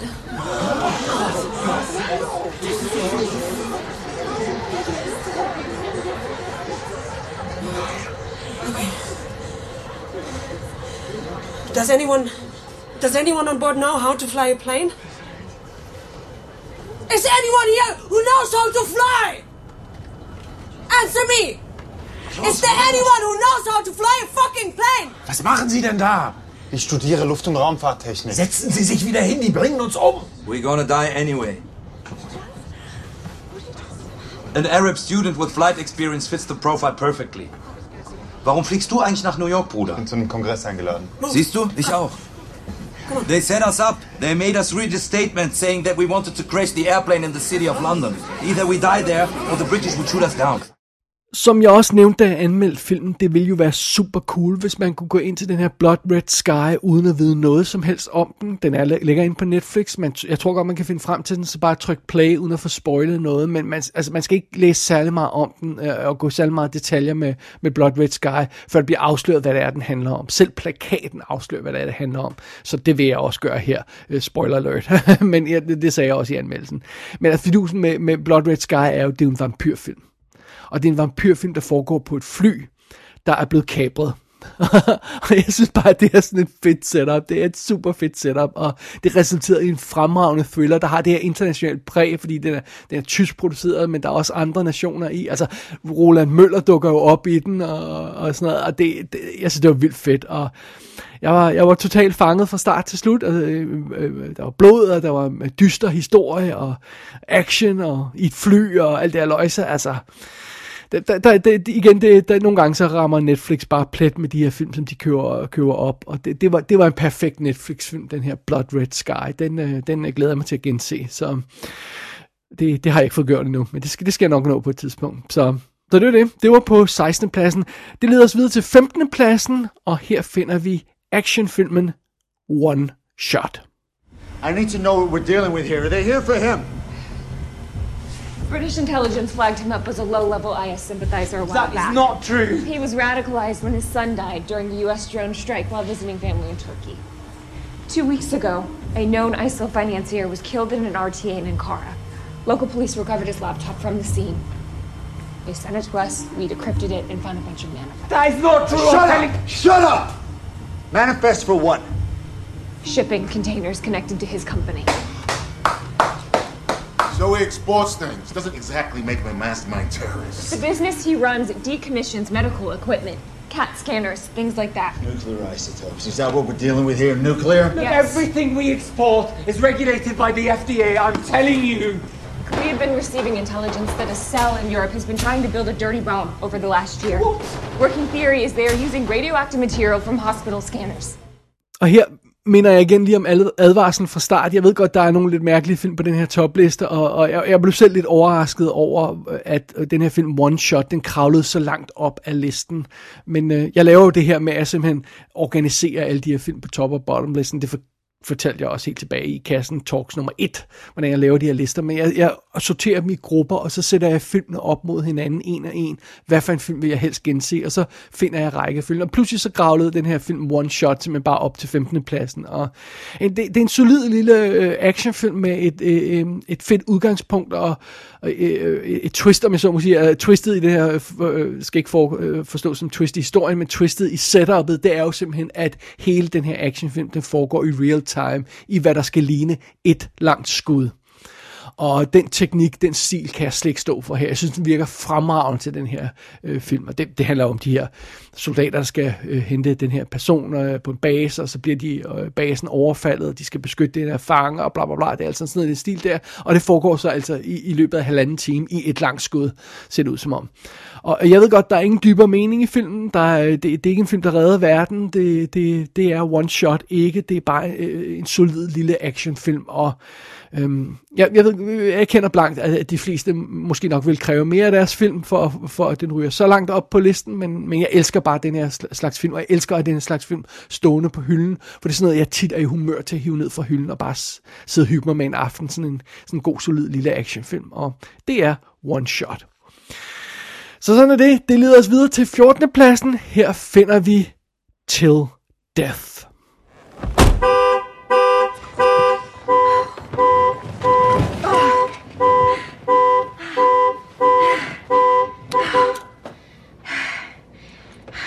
Thought you would be lighter without all that blood.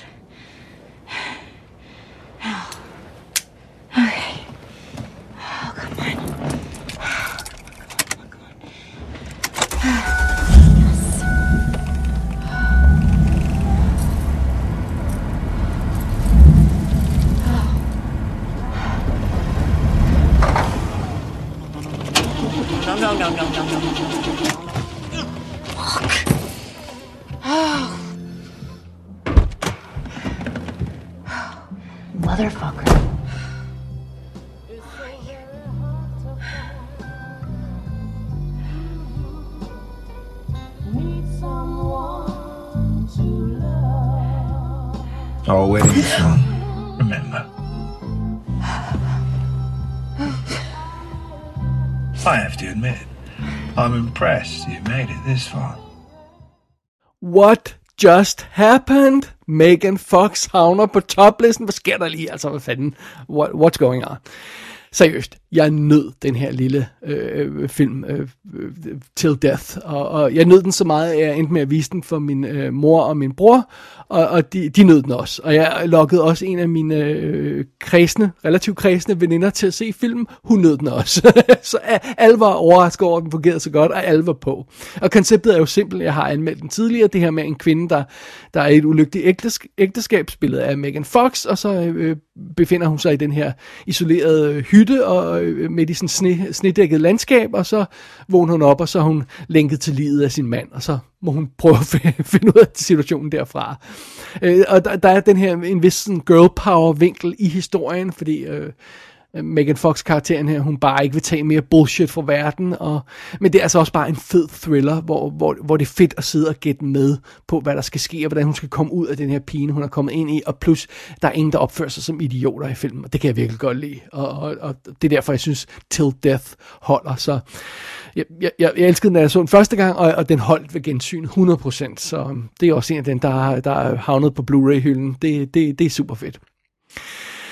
Alright, 13. pladsen på toplisten, den er lidt mere seriøs, det vil jeg godt indrømme. Her finder vi One Night in Miami. If I win them over playing our music, I'm, I'm knocking down doors for everybody. You watch and see. It's not going to always be the pop charts over here, black music charts over there. One day it's going to be one chart with one music for all people. What kind of message are you sending though by doing one show for white folks and a completely different show for black folks, Sam? You, you- no, listen to me. You performing in, in, in places where the only black people not on stage are the ones serving the food. Don't you think I know that? Can't tell you how many times I wanted to reach out and punch somebody. Then, but then, you, then, then, strike with the weapon that you have, man. Your voice. Black people, we we, we standing up. Mm-hmm. We, we we speaking out. Sam, you have possibly one of the most effective, beautiful outlets of us all. You- You're not using it to help the cause, brother. hell, I'm not. I got the masters to my songs. I started a label. I'm producing tons of black artists. Don't you think my determining my creative and business destiny is every bit as inspiring to people as you standing up on a podium trying to piss them off? Oh, wait a minute, I forgot. That's all you do. Det her, det er jo filmen, der udspiller sig i 1964, hvor vi har det her, øh, den her situation, hvor øh, Muhammad Ali, Malcolm X, Jim Brown og Sam Cooke, de mødes på et hotelværelse, og så snakker de lidt om sig selv, og så øh, snakker de om deres karriere, og så diskuterer de det her med at være sort entertainer, og hvad for et ansvar det, man har, når man er det, og, og sådan noget. Og det, altså, det er en fiktiv situation, som jeg også nævnte, da jeg anmeldte den, men, men det, det er baseret på virkelige øh, koncepter og de, deres, de her karakteres følelser, som er rigtige personer, de, de er korrekte nok, og, og og det, det kunne sagtens være foregået på en eller anden plan. Og, og det, det er jo så øh, skuespillerinden øh, Regina King, der, der har instrueret filmen og skruet det her sammen, og jeg synes, det fungerer virkelig godt. Og jeg indrømmer blankt, der går sådan cirka en time, før filmen rigtig får tænderne i historien. Øh, øh, men når den kommer fra, øh, øh virkelig kommer i gang, så, så er resultatet altså også fremragende. Men, men øh, altså hvis, hvis, hvis første halvdel af filmen havde været lige så god som anden halvdel af filmen, så havde den været top 5 materiale. Øh, men men, men den, den ryger så lidt længere ned, fordi den er lidt tid om at komme i gang. One Night in Miami. Men, men det, det er en fed film, og det er en stærk og en vigtig og relevant film at se. Så øh, det er stadigvæk en anbefaling herfra, selvom den lige skal i gang. Alright, det bringer os til 12. pladsen. Her finder vi News of the World. Good evening, ladies and gentlemen. It's good to be back with you all here in Wichita Falls. My name is Captain Jefferson Kyle Kidd, and I'm here tonight to bring you all the news from across this great world of ours. Now, I know how life is in these parts, working your trade sun up to sundown, no time for reading newspapers, am I correct? Let me do that work for you. And maybe, just for tonight, we can escape our troubles and hear the great changes that are happening out there. Starting local then. Our own Houston Telegraph. From the 1st of February, this news. The meningitis epidemic continues to spread without prejudice across the Panhandle and North Texas region. So far, it has claimed 97 souls in just a two month period.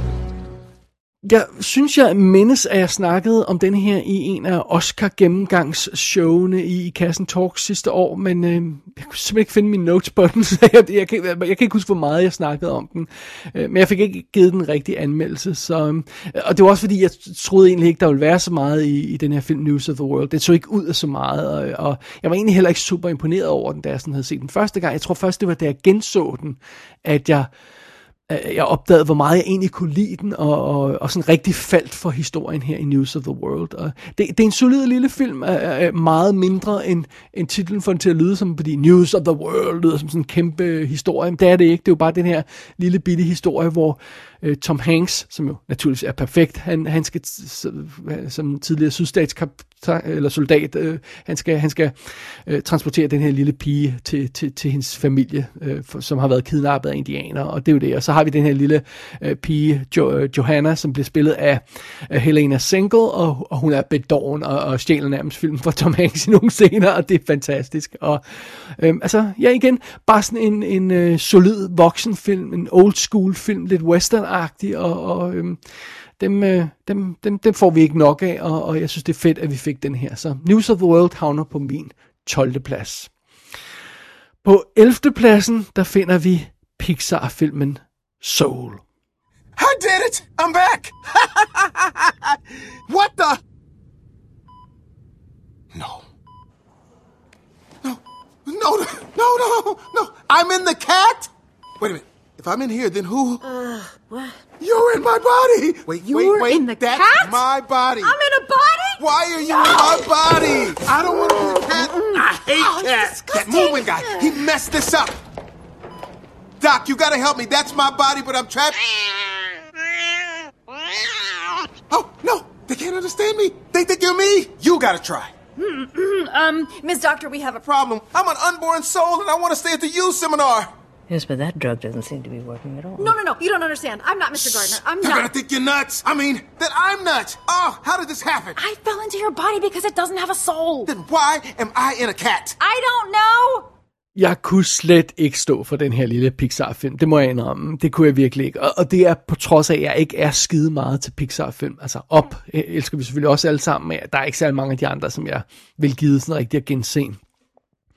Og øh, det, det er svært at sige så meget om, om, om Soul, som, som folk ikke allerede tænker. Altså, alle har vel set den på en eller anden plan, og nu den ligger den selvfølgelig også på Disney+, Plus, så man kan streame den, og den er ude på skiver og sådan noget, så alle har vel set Soul på en eller anden plan, men seriously, jeg kunne bare ikke stå for den. Det, det er en gennemført awesome og, og rørende film, og den er flot oven i købet, og så er den øh, musikalsk og lækker, og så er den sjov oven i det. Altså, det, det er den perfekte pakke. Det er det, jeg vil forvente for en god, fra for en god animeret film, at den, den har noget på hjertet, og den, øh, og, den, og den kan nogle ting, og den er sjov samtidig, og og øh, ja, altså jeg, jeg får lyst til at gense filmen, bare jeg sidder og tænker på den nu, og det, det, er jo, det er jo et selvfølgelig godt tegn. Så, så Soul er på min 11. plads. Det betyder så, at vi kommer ind i top 10, og på 10. pladsen, der finder vi Quo Vadis Aida. Hi. We want to see if any Muslim soldiers are hiding inside. There are no soldiers, only civilians. Ko tebe šta pita?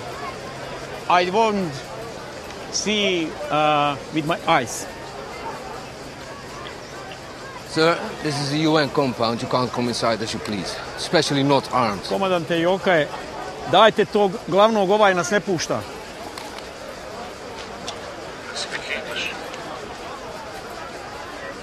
Um, um, I, I have to speak English. Let them search the base so they can see for themselves that there are no Bosnian soldiers. Colonel, no armed military personnel are allowed inside the safe zone, let alone inside our base. They just want to check if there are any soldiers. If we let them in with weapons, people will panic. Det her er jo simpelthen filmen, der burde have slået druk til årets Oscar-uddeling for bedste internationale film. Øhm, øh, den udspiller sig jo i Bosnien i 1995, hvor, hvor, øhm, hvor alle de her folk bliver tvunget til at, at flygte, og der er den her FN-styrke i, i byen, øh, der er ved at stikke halen mellem benene og, og, og for, forlade de her folk, fordi øh, serberne rykker ind i, på territoriet, og og, og så har vi den her kvinde i centrum af historien, som også er i titlen, Ida, som er tolk for FN-styrkerne, og derfor er ekstra opsat på, på at komme ud, fordi så er hun måske udsat, og samtidig så vil hun have sin familie ud af, og i sikkerhed. Og det, det er et super stærk film. En, en super hård film. Og, og, og, den har det her med, den har det her, det her view fra, med, med fødderne på jorden, øh, Øh, i den her håbløse situation, som vi har set for, på tv. Men der er altså ingen korrespondenter, og der er ingen tv-billeder, der sådan kan fange den stemning, som den her film kan fange, og få, få situationens alvor gjort tydelig. Og, og det, det, det, det, det, det kan den her film. Og, jeg, øh, det er en benhård film, og jeg er virkelig glad for, at den blev Oscar nomineret, fordi jeg tror ikke, jeg havde, jeg havde taget mig sammen til at se den, hvis ikke den havde blevet det. Øh, og, og det er jo så også det, man skal være ops på nogle gange med de her Oscar-nominerede film. Man kan sidde og snakke om, om, om, om øh, de rigtige øh, film bliver nomineret i her kategori interna- international film, men det, det er værd at så lige holde øje med, om der skulle være noget interessant i blandt de der fem, der bliver udvalgt, de 15, der bliver shortlistet, eller hvad det er. Og, øh, nogle gange så er der, ja, så er der bare noget guf der, som man ikke måske ellers havde faldet over. Jeg tror ikke, jeg havde faldet over den her film ellers, men jeg er virkelig glad for, at jeg gjorde det, og Der kommer rent faktisk en Blu-ray med danske tekster om den her film, Quo Vadis og øh, den har jeg allerede forudbestilt, og det er endnu en af dem, som jeg skal vise til min mutti. Jeg er sikker på, at hun vil, vil elske den, og, Øh, og øh, jeg tror også, min brormand vil elske den, fordi det er et, et, et hårdt drama, men det er selvfølgelig, man skal lige være i humør til det. Det er en hård film, man, skal, man, man, kan ikke bare sætte sig ned og hygge sig med den øh, til en, til en hyggefilm aften. Man skal lige, man skal lige øh, øh, tage sig sammen til scenen, og, og, og det, øh, men så er det også det værd, det synes jeg. Quo Vadis Ida er min, på min 10. plads over øh, årets, øh, sidste års bedste film. Så kommer vi til 9. pladsen på toplisten. Her finder vi Miranda Vale. I am starting to freak out. Soren, what is no, no, happening? No, no, no, you can't because you have been. You, you cannot be. My God, are you going to answer my question or are you just going to be hysterical? Well, then what is going on? That's what I fucking asked!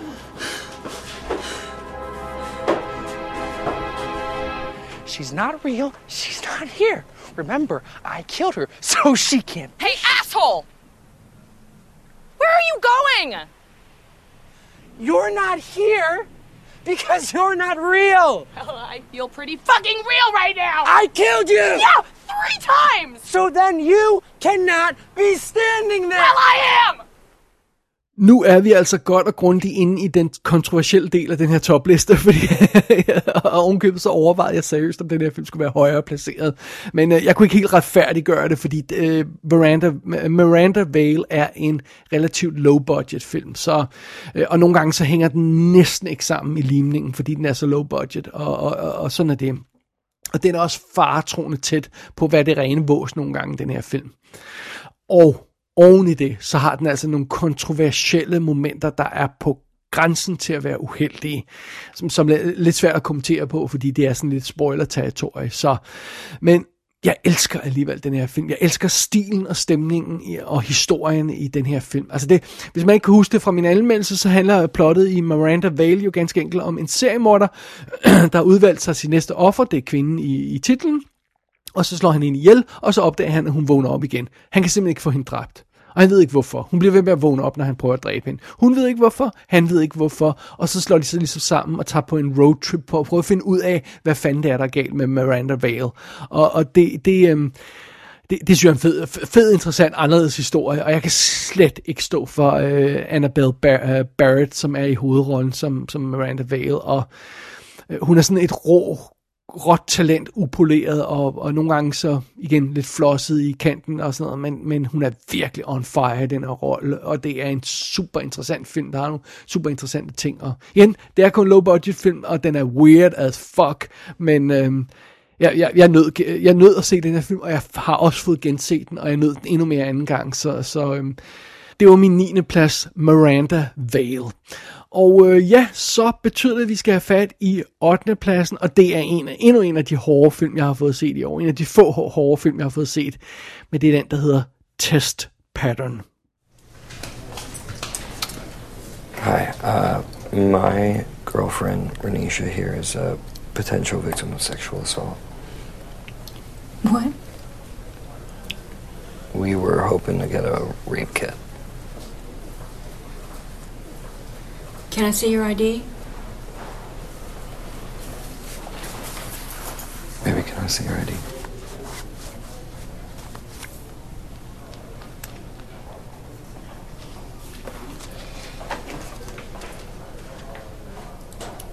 Okay, um, y'all can take a seat. Og jeg kan lige så godt afsløre, at denne her film bliver ikke en af dem, jeg kommer til at se igen og igen. Det er simpelthen for hårdt. Øh, hvis man ikke kan huske plottet, så er det jo simpelt nok, øh, det er simpelthen historien om den sorte kvinde, øh, Renisha, der er ude for et seksuelt overgreb en nat, når hun har været ude i byen, og næste morgen så skal hende og hendes hvide kæreste prøve at finde et rape kit.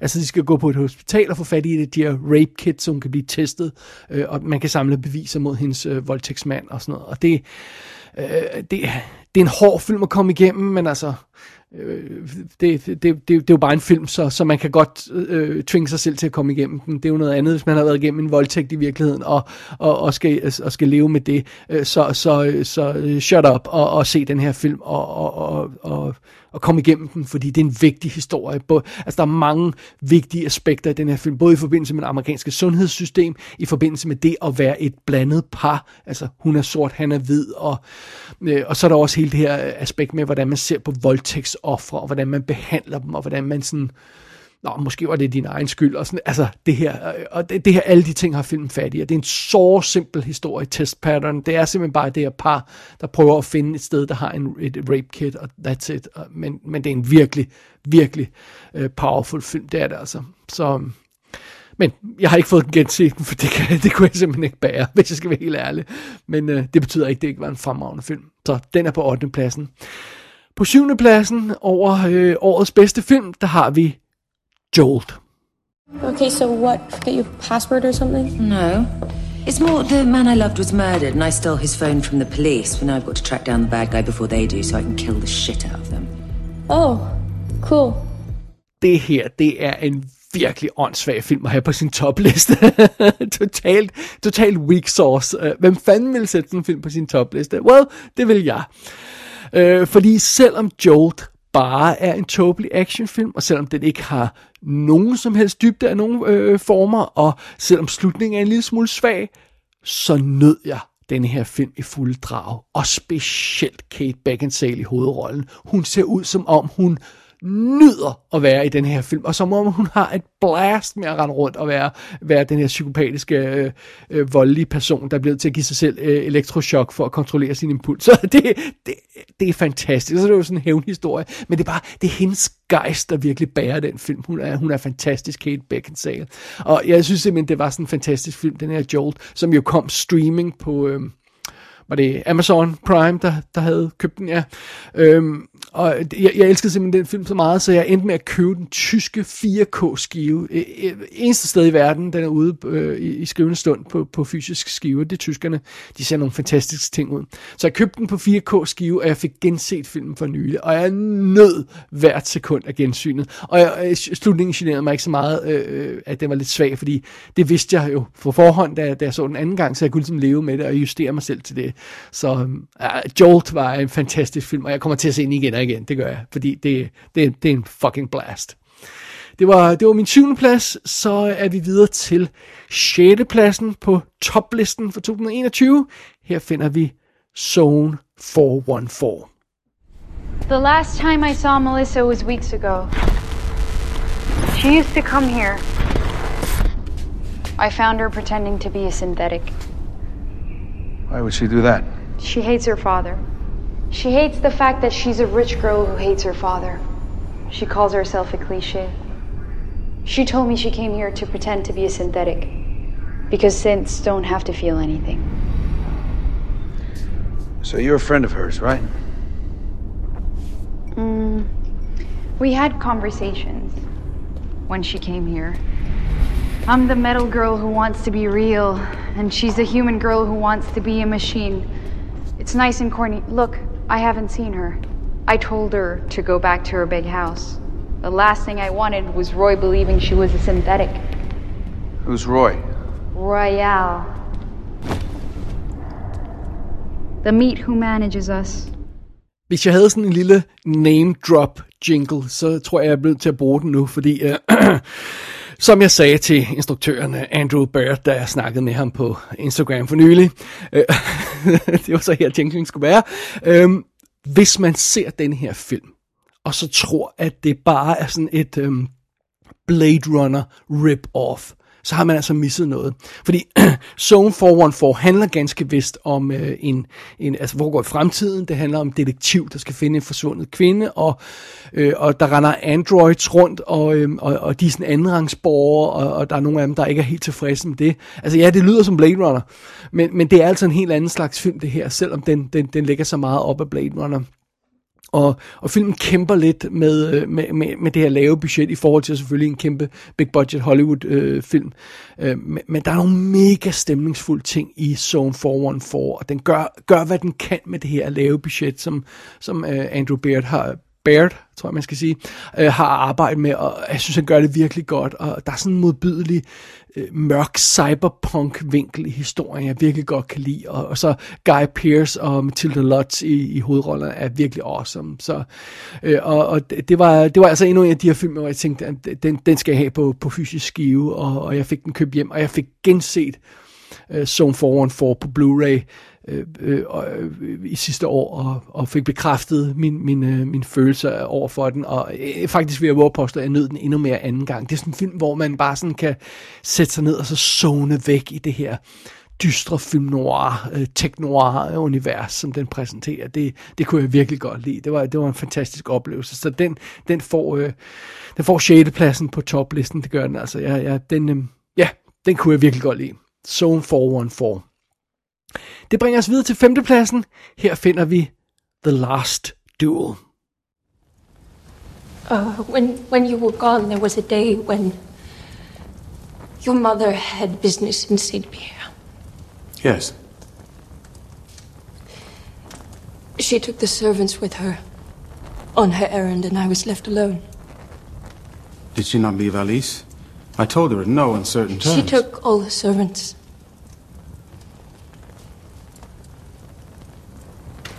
Shortly after, a man came, unannounced. I knew the man, so I let him in. But he was not alone.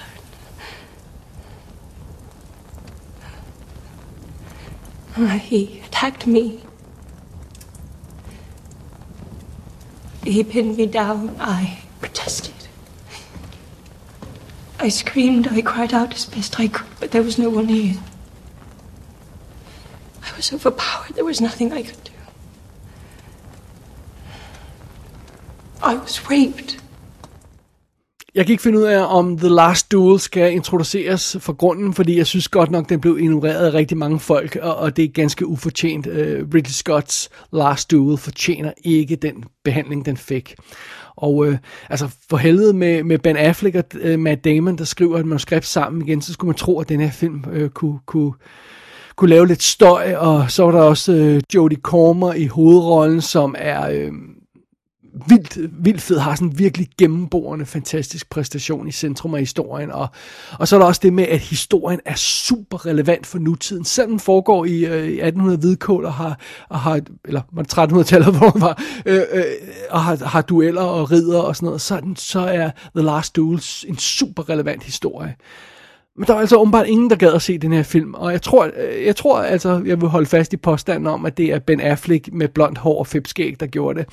Øh, måske er det en, en lidt forsimplet øh, version af sandheden, men det føles lidt sådan nogle gange, det føles lidt som om, den her film bare blev dømt på forhånd, og folk sagde, nej, det gider jeg ikke at se. Hvis folk havde set den, så havde de nyt den. Det er jeg overbevist om. Det er en god film. Den fortjener at blive set, The Last Duel. Den har noget på hjertet. Det har den altså.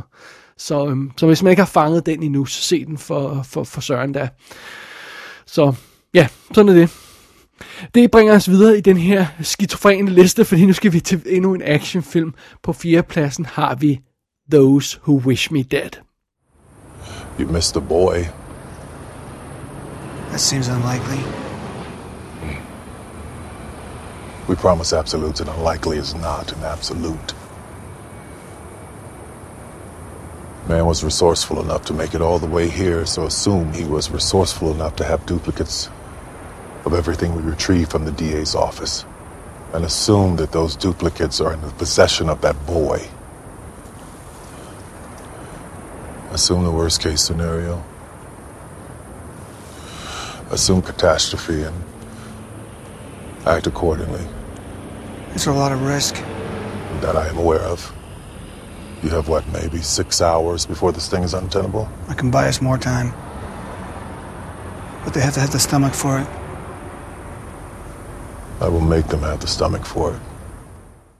Det er endnu en af de her film, hvor jeg er overrasket over, at den kravlede så højt op på listen. Det havde jeg ikke rigtig forudset, men det er en awesome film. Those Who Wish Me Dead er en, er en super solid thriller, moderne action thriller, og jeg elsker den her type film. Øh, den har det her simple pitch med, at øh, Angelina Jolie, hun skal beskytte en dreng, der, der, øh, der, der, der er troet af nogle legemorder, der vil slå ham ihjel, fordi han ved noget, han ikke burde vide, og, og, øh, og så bliver det her koncept jo så kompliceret af det her ekstra aspekt med, at det hele foregår midt i en skovbrand. Og øhm, det er en lean, mean ligefrem film, øh, der bare virker. Og den spiller 100 minutter, og den er super tight. Those Who Wish Me Death, den er, er, er også sådan en film, jeg kommer til at hive ned fra hylden igen og igen, fordi øh, nogle gange er man bare øh, i humør til noget, der bare kører på skinner, og det gør den her film, det gør den altså. Og øh, ja, vi, øh, vi fortsætter kontroversen på tredjepladsen, øh, på tredjepladsen over årets bedste film, 2021's bedste film, der har vi Kate. You better get out of here. Wait! Hey! Hey, where are we going?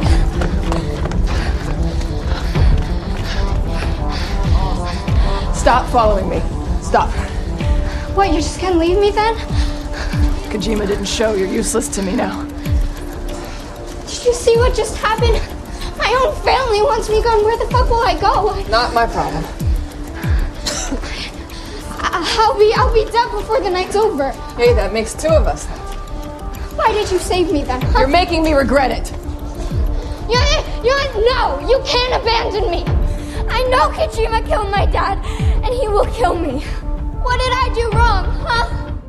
Jeg sagde jo, at den her liste var kontroversiel. Kate på tredjepladsen. Really? Really? Ja, for helvede, Kate er på tredjepladsen. Uh, Mary Elizabeth Winstead er mega badass i den her film, som uh, den her legemorder, der er blevet forgiftet, og lige skal nå at få hævn over sin morder, inden hun selv dør. Og som jeg også sagde, da jeg anmeldte den, jeg indrømmer blank, der er intet nyt under solen her. Alt det her er set før, men, øh, men, men det er en af de her film, hvor den, øh, øh der formår at tage alle de elementer, vi kender, og så kombinere dem til noget, der bliver ekstra godt og virker. Jeg elsker stilen i den her film. Jeg elsker stemningen i den her film. Det her japanske touch, den foregår i det her neonbelyste Tokyo, og filmen er brutal og blodig og intens og cool action scener og øhm, jeg synes ikke, jeg behøver at bortforklare eller undskylde. Jeg, jeg, jeg, jeg elskede bare den her film Kate, og det er igen en af de her film, hvor jeg, hvor jeg følte, jeg blev til at gense den, for at være helt sikker på, hvor den passede på den her topliste. Og det gjorde jeg, og jeg synes, den var fremragende også ved gensynet. Og det er derfor, Kate havner på tredjepladsen. Den, øh, den, øh, den virkede sgu for mig, det, det må jeg indrømme. Det gjorde filmen på andenpladsen naturligvis også, ellers var den ikke kravlet så højt op på andenpladsen. Årets anden bedste film for 2021. På den plads, der finder vi Moxie. Hey, Lucy. Uh, we have English class together. I'm Vivian, right? You sit in the back. Yeah, yeah, exactly. Look, I just wanted to say, ignore Mitchell. Why should I have to ignore him? Why can't he just not be a dick? He's an idiot. He has been since the second grade. He's dangerous. I don't think he's dangerous. I think he's just annoying. You know that annoying can be more than just annoying, right? Like it can be code for worse stuff. If you keep your head down, he'll move on and bother somebody else. Thanks for the advice. But I'm gonna keep my head up. Hi. See you in class.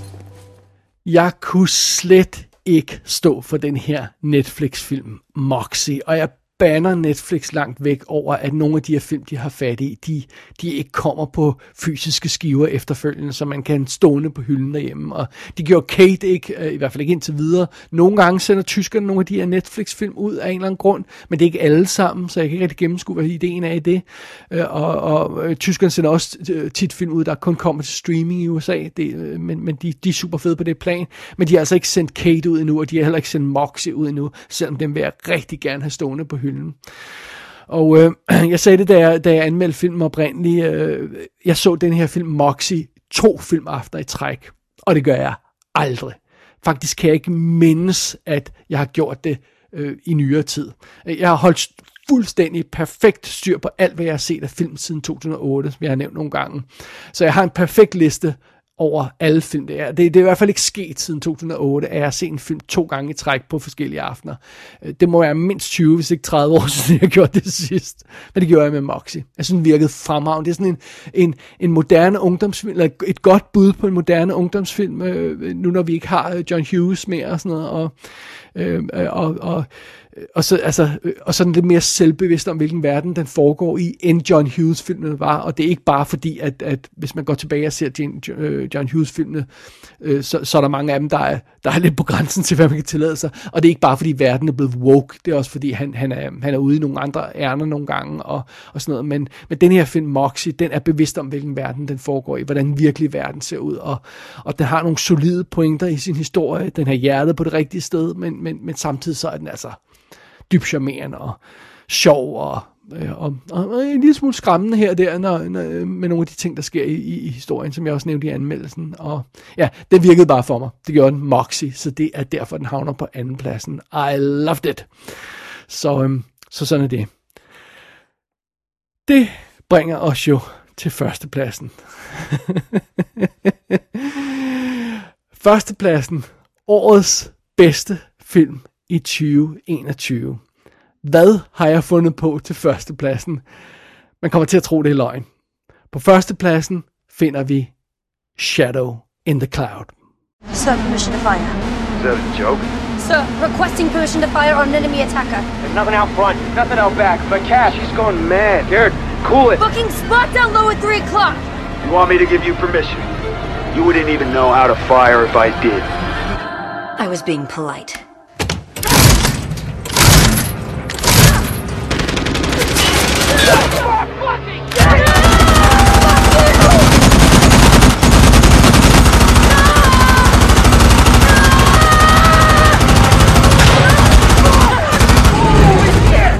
Jeg vil ikke høre noget brok, fordi jeg sagde jo, at den her liste var kontroversiel. Jeg advarede om det tidligere, og jeg gentog advarslen. Så, så, så don't blame me. Men på førstepladsen finder vi simpelthen Shadow in the Cloud. Chloe Grace Moretz, hun spiller jo simpelthen en kvinde, der går ombord på et B-17 uh, øh, Flying Fortress bombefly i øh, uh, 1943, en sen nat i, 1943 på en, på en hemmelig mission, og så møder hun stor skepsis fra, fra den mandlige besætning. Og det er jo så en, en anden verdenskrigshistorie, men det er samtidig en science fiction historie, og det er også en, en actionfilm, og øh, der er lidt mere øh, på spil her i filmen end som så, specielt hvis man ligesom tager det kvindelige perspektiv med i betragtningen, og instruktøren er selvfølgelig en kvinde, og hovedrollen er en kvinde, og der er nogle aspekter af historien, der, der er specielt relevant i den sammenhæng. Og jeg ved godt, at den her film er tåbelig på nogle planer. Altså, det er jo, det er jo et rip-off af en klassisk Twilight Zone-episode, som vi alle sammen husker den, hvor der er et et, et creature ude på vingen af et fly, og det, det er den film, den, eller den episode, som den her film lægger sig op af. Og øh, de første 50 øh, minutter af den her film udspiller sig næsten udelukkende i det her lille kanontårn, der er under flyet, hvor vi, hvor vi spadet ind i det rum med Chloe Grace Moretz. Øh, og det er, hvad det er, men jeg, jeg synes, det er en mega fræk lille film. Og det, det er den første film, øh, jeg så i i øh, 2021. Det var den første film. Jeg så den her film 1. januar 2021. Og det var den første film, jeg så det år. Og jeg elskede den første gang, jeg så den. Og jeg elskede den, da jeg genså den. Og så hævde jeg simpelthen den tyske 4K Limited Edition lækker boxudgave hjem. Og genså filmen der øh, tredje gang øh, på 4K skive. Og elskede den endnu en gang, og jeg, jeg vil næsten våge at påstå, at den bliver bedre og bedre hver gang, jeg, jeg, jeg ser den, og jeg nyder hvert sekund af den her historie. Jeg, jeg synes, det er en mega fed idé, og en mega fed koncept, og Chloe Grace Moretz er mega fed, og alle de her tåbeligheder, øh, som nogle folk vil, vil, vil brokse over i filmen, det ser jeg nærmest som øh, øh, features og ikke fejl. altså, det, jeg synes, den her film var fantastisk. Og øh, det er derfor, den havner på førstepladsen. Og øhm, ja, det, det, det, det, sådan er det. Det er en mærkelig filmår. Det er en mærkelig førsteplads, det indrømmer blankt. Men Shadow in the Cloud havner simpelthen på toppen af min top 20 for filmåret 2021. Tag den. Og det betyder altså, at vi er nået til slutningen af de her top bottomlister, og som altid, så forbeholder jeg mig ret til at fortryde nogle af de her valg, nærmest det øjeblik, jeg har sagt dem højt. Øh, men det er jo sådan lidt det, der er indbygget konceptet, jeg laver de her toplister. De er jo sådan ligesom et, et, et moment in time, og jeg elsker at kigge tilbage på de gamle toplister og bundlister og, og sige, hvad fanden i helvede tænker jeg på dengang. Det siger jeg nogle gange, andre gange siger jeg, nå ja, den der film er fantastisk, den skal jeg gense. Så ja, det, sådan er det. Sådan er det at lave de her lister. Det må man bare leve med, men det er jo også en del af det, der gør det sjovt. Så øhm, lad os tage et lille hurtigt break, og så rappe det her, vist nok lidt halvlang show op. Mm. See, see, the thing of it is, though, um, well, you know, you're not a real, you know, you're not a real bear. I mean, you're not a not a real natural bear. What? Well, I mean, you- you're talking about a bear in his natural habitat. Yeah. Well, Me and my natural. The cows back there. Yeah. Now, now those cows, those are real cows. I mean, those are cows that are out here. They eat grass. They, uh, you know, they, they they give milk. Those are cows. Well, I don't give milk, but I'm a bear. No, no, no. But a real bear is a is sort of a thing with. He's got sharp teeth and he and he. No, uh, hold, now wait a second. Now wait a second. Do you have sharp teeth? I, I don't have teeth. No, I mean, do you hibernate? Uh, well, only with friends. No, no. See, you're not a real bear. Now wait a minute. Now look, I feel in my very bones. But you don't. my you very don't. Now, wait a marrow. minute. No, no, no. No, wait a minute. That I am. you don't even. You don't even have bones. That I what? You don't even have bones. What do you mean I don't have? Bones? I mean, bones? a real bear has bones. What do you have? You've got sort of a uh, sort of a fake fur. You've got foam rubber. What? Well, I mean, you What's, know, what's what you say? You, I had what? You got foam rubber and fake fur. You're an You're- art, You're an artificial bear. You're telling me I have foam rubber? Have you ever seen a bear with a magenta nose? I got a newsflash for you, kid. What? Frog, you want you want to hurt you want you hurt me? I'm gonna have to hurt you. You ready for this? Yes. Are you ready? Yeah. You got a wire on your arm. What? Det lykkedes sgu. Vi gjorde det for andet år i træk, der fik vi snakket os igennem de 20 bedste og de 20 dårligste film for det forgangne år. Og når, når det betyder, det er anden gang i træk, vi gør det, andet år i træk, vi gør det, så er det jo øh, så er det vel en tradition. Ikke? Kan vi godt sige det? Kan vi ikke klassificere det som tradition nu? Det, det synes jeg godt, vi kan. Som altid, så bliver de her lister også offentliggjort gjort på min blog. Der har jeg skrevet på engelsk om den ganske kort også. Og øh, det er jo singlemindedmovieblog.blogspot.com. Link i shownoterne som altid, og de er ikke online, lige i skrivende stund, i optagende stund, men de kommer online i løbet af et par dage. Så sådan er det. Og der, på de lister, der kan man altså også se øh, lidt honorable mentions, hvis man undrer sig over, at der er nogle film, der ikke er på de her lister. Så kan det være, at de er der i ekstra kommentarerne, og, og, og sådan er det. Så kan man hygge sig med det. Alright, det var, hvad vi havde at snakke om øh, i det her show. Næste show af I Kassen Talks kommer meget snart. Fordi for det første så er der jo øh, øh, flere brækker i Oscarspillet, der er ved at blive øh, lagt Oscar-puslespillet. Og øh, Golden Globe-priserne bliver uddelt i dag, sådan senere i dag, når vi, når vi snakker det her, i en bizarre ceremoni, der åbenbart foregår uden tilskuer eller, eller øhm, øh, prismodtager. Det skal vi nok snakke mere om. Og om et par dage, så får vi altså også BAFTA longlisterne, og vi får SAG-nomineringerne. Og når de er ude, så har jeg tænkt mig lige samle op på det og lave et lille ekstra i kassen Talks show øh, om, om nogle dage. Og derudover, i den forbindelse, så kan vi også få noget andet med. Det er nemlig det, jeg har fået et par lytterlister. jeg har fået top-bottom lister fra to faste bidragydere, som også sendte lister ind siden øh, sidste år. Selvom jeg ikke bad om det, jeg har heller ikke bedt om det i år, så jeg ved ikke, what the hell, men, men nu er de sendt ind, så må, jeg jo, så må jeg jo snakke om dem, der er jo ikke andet for.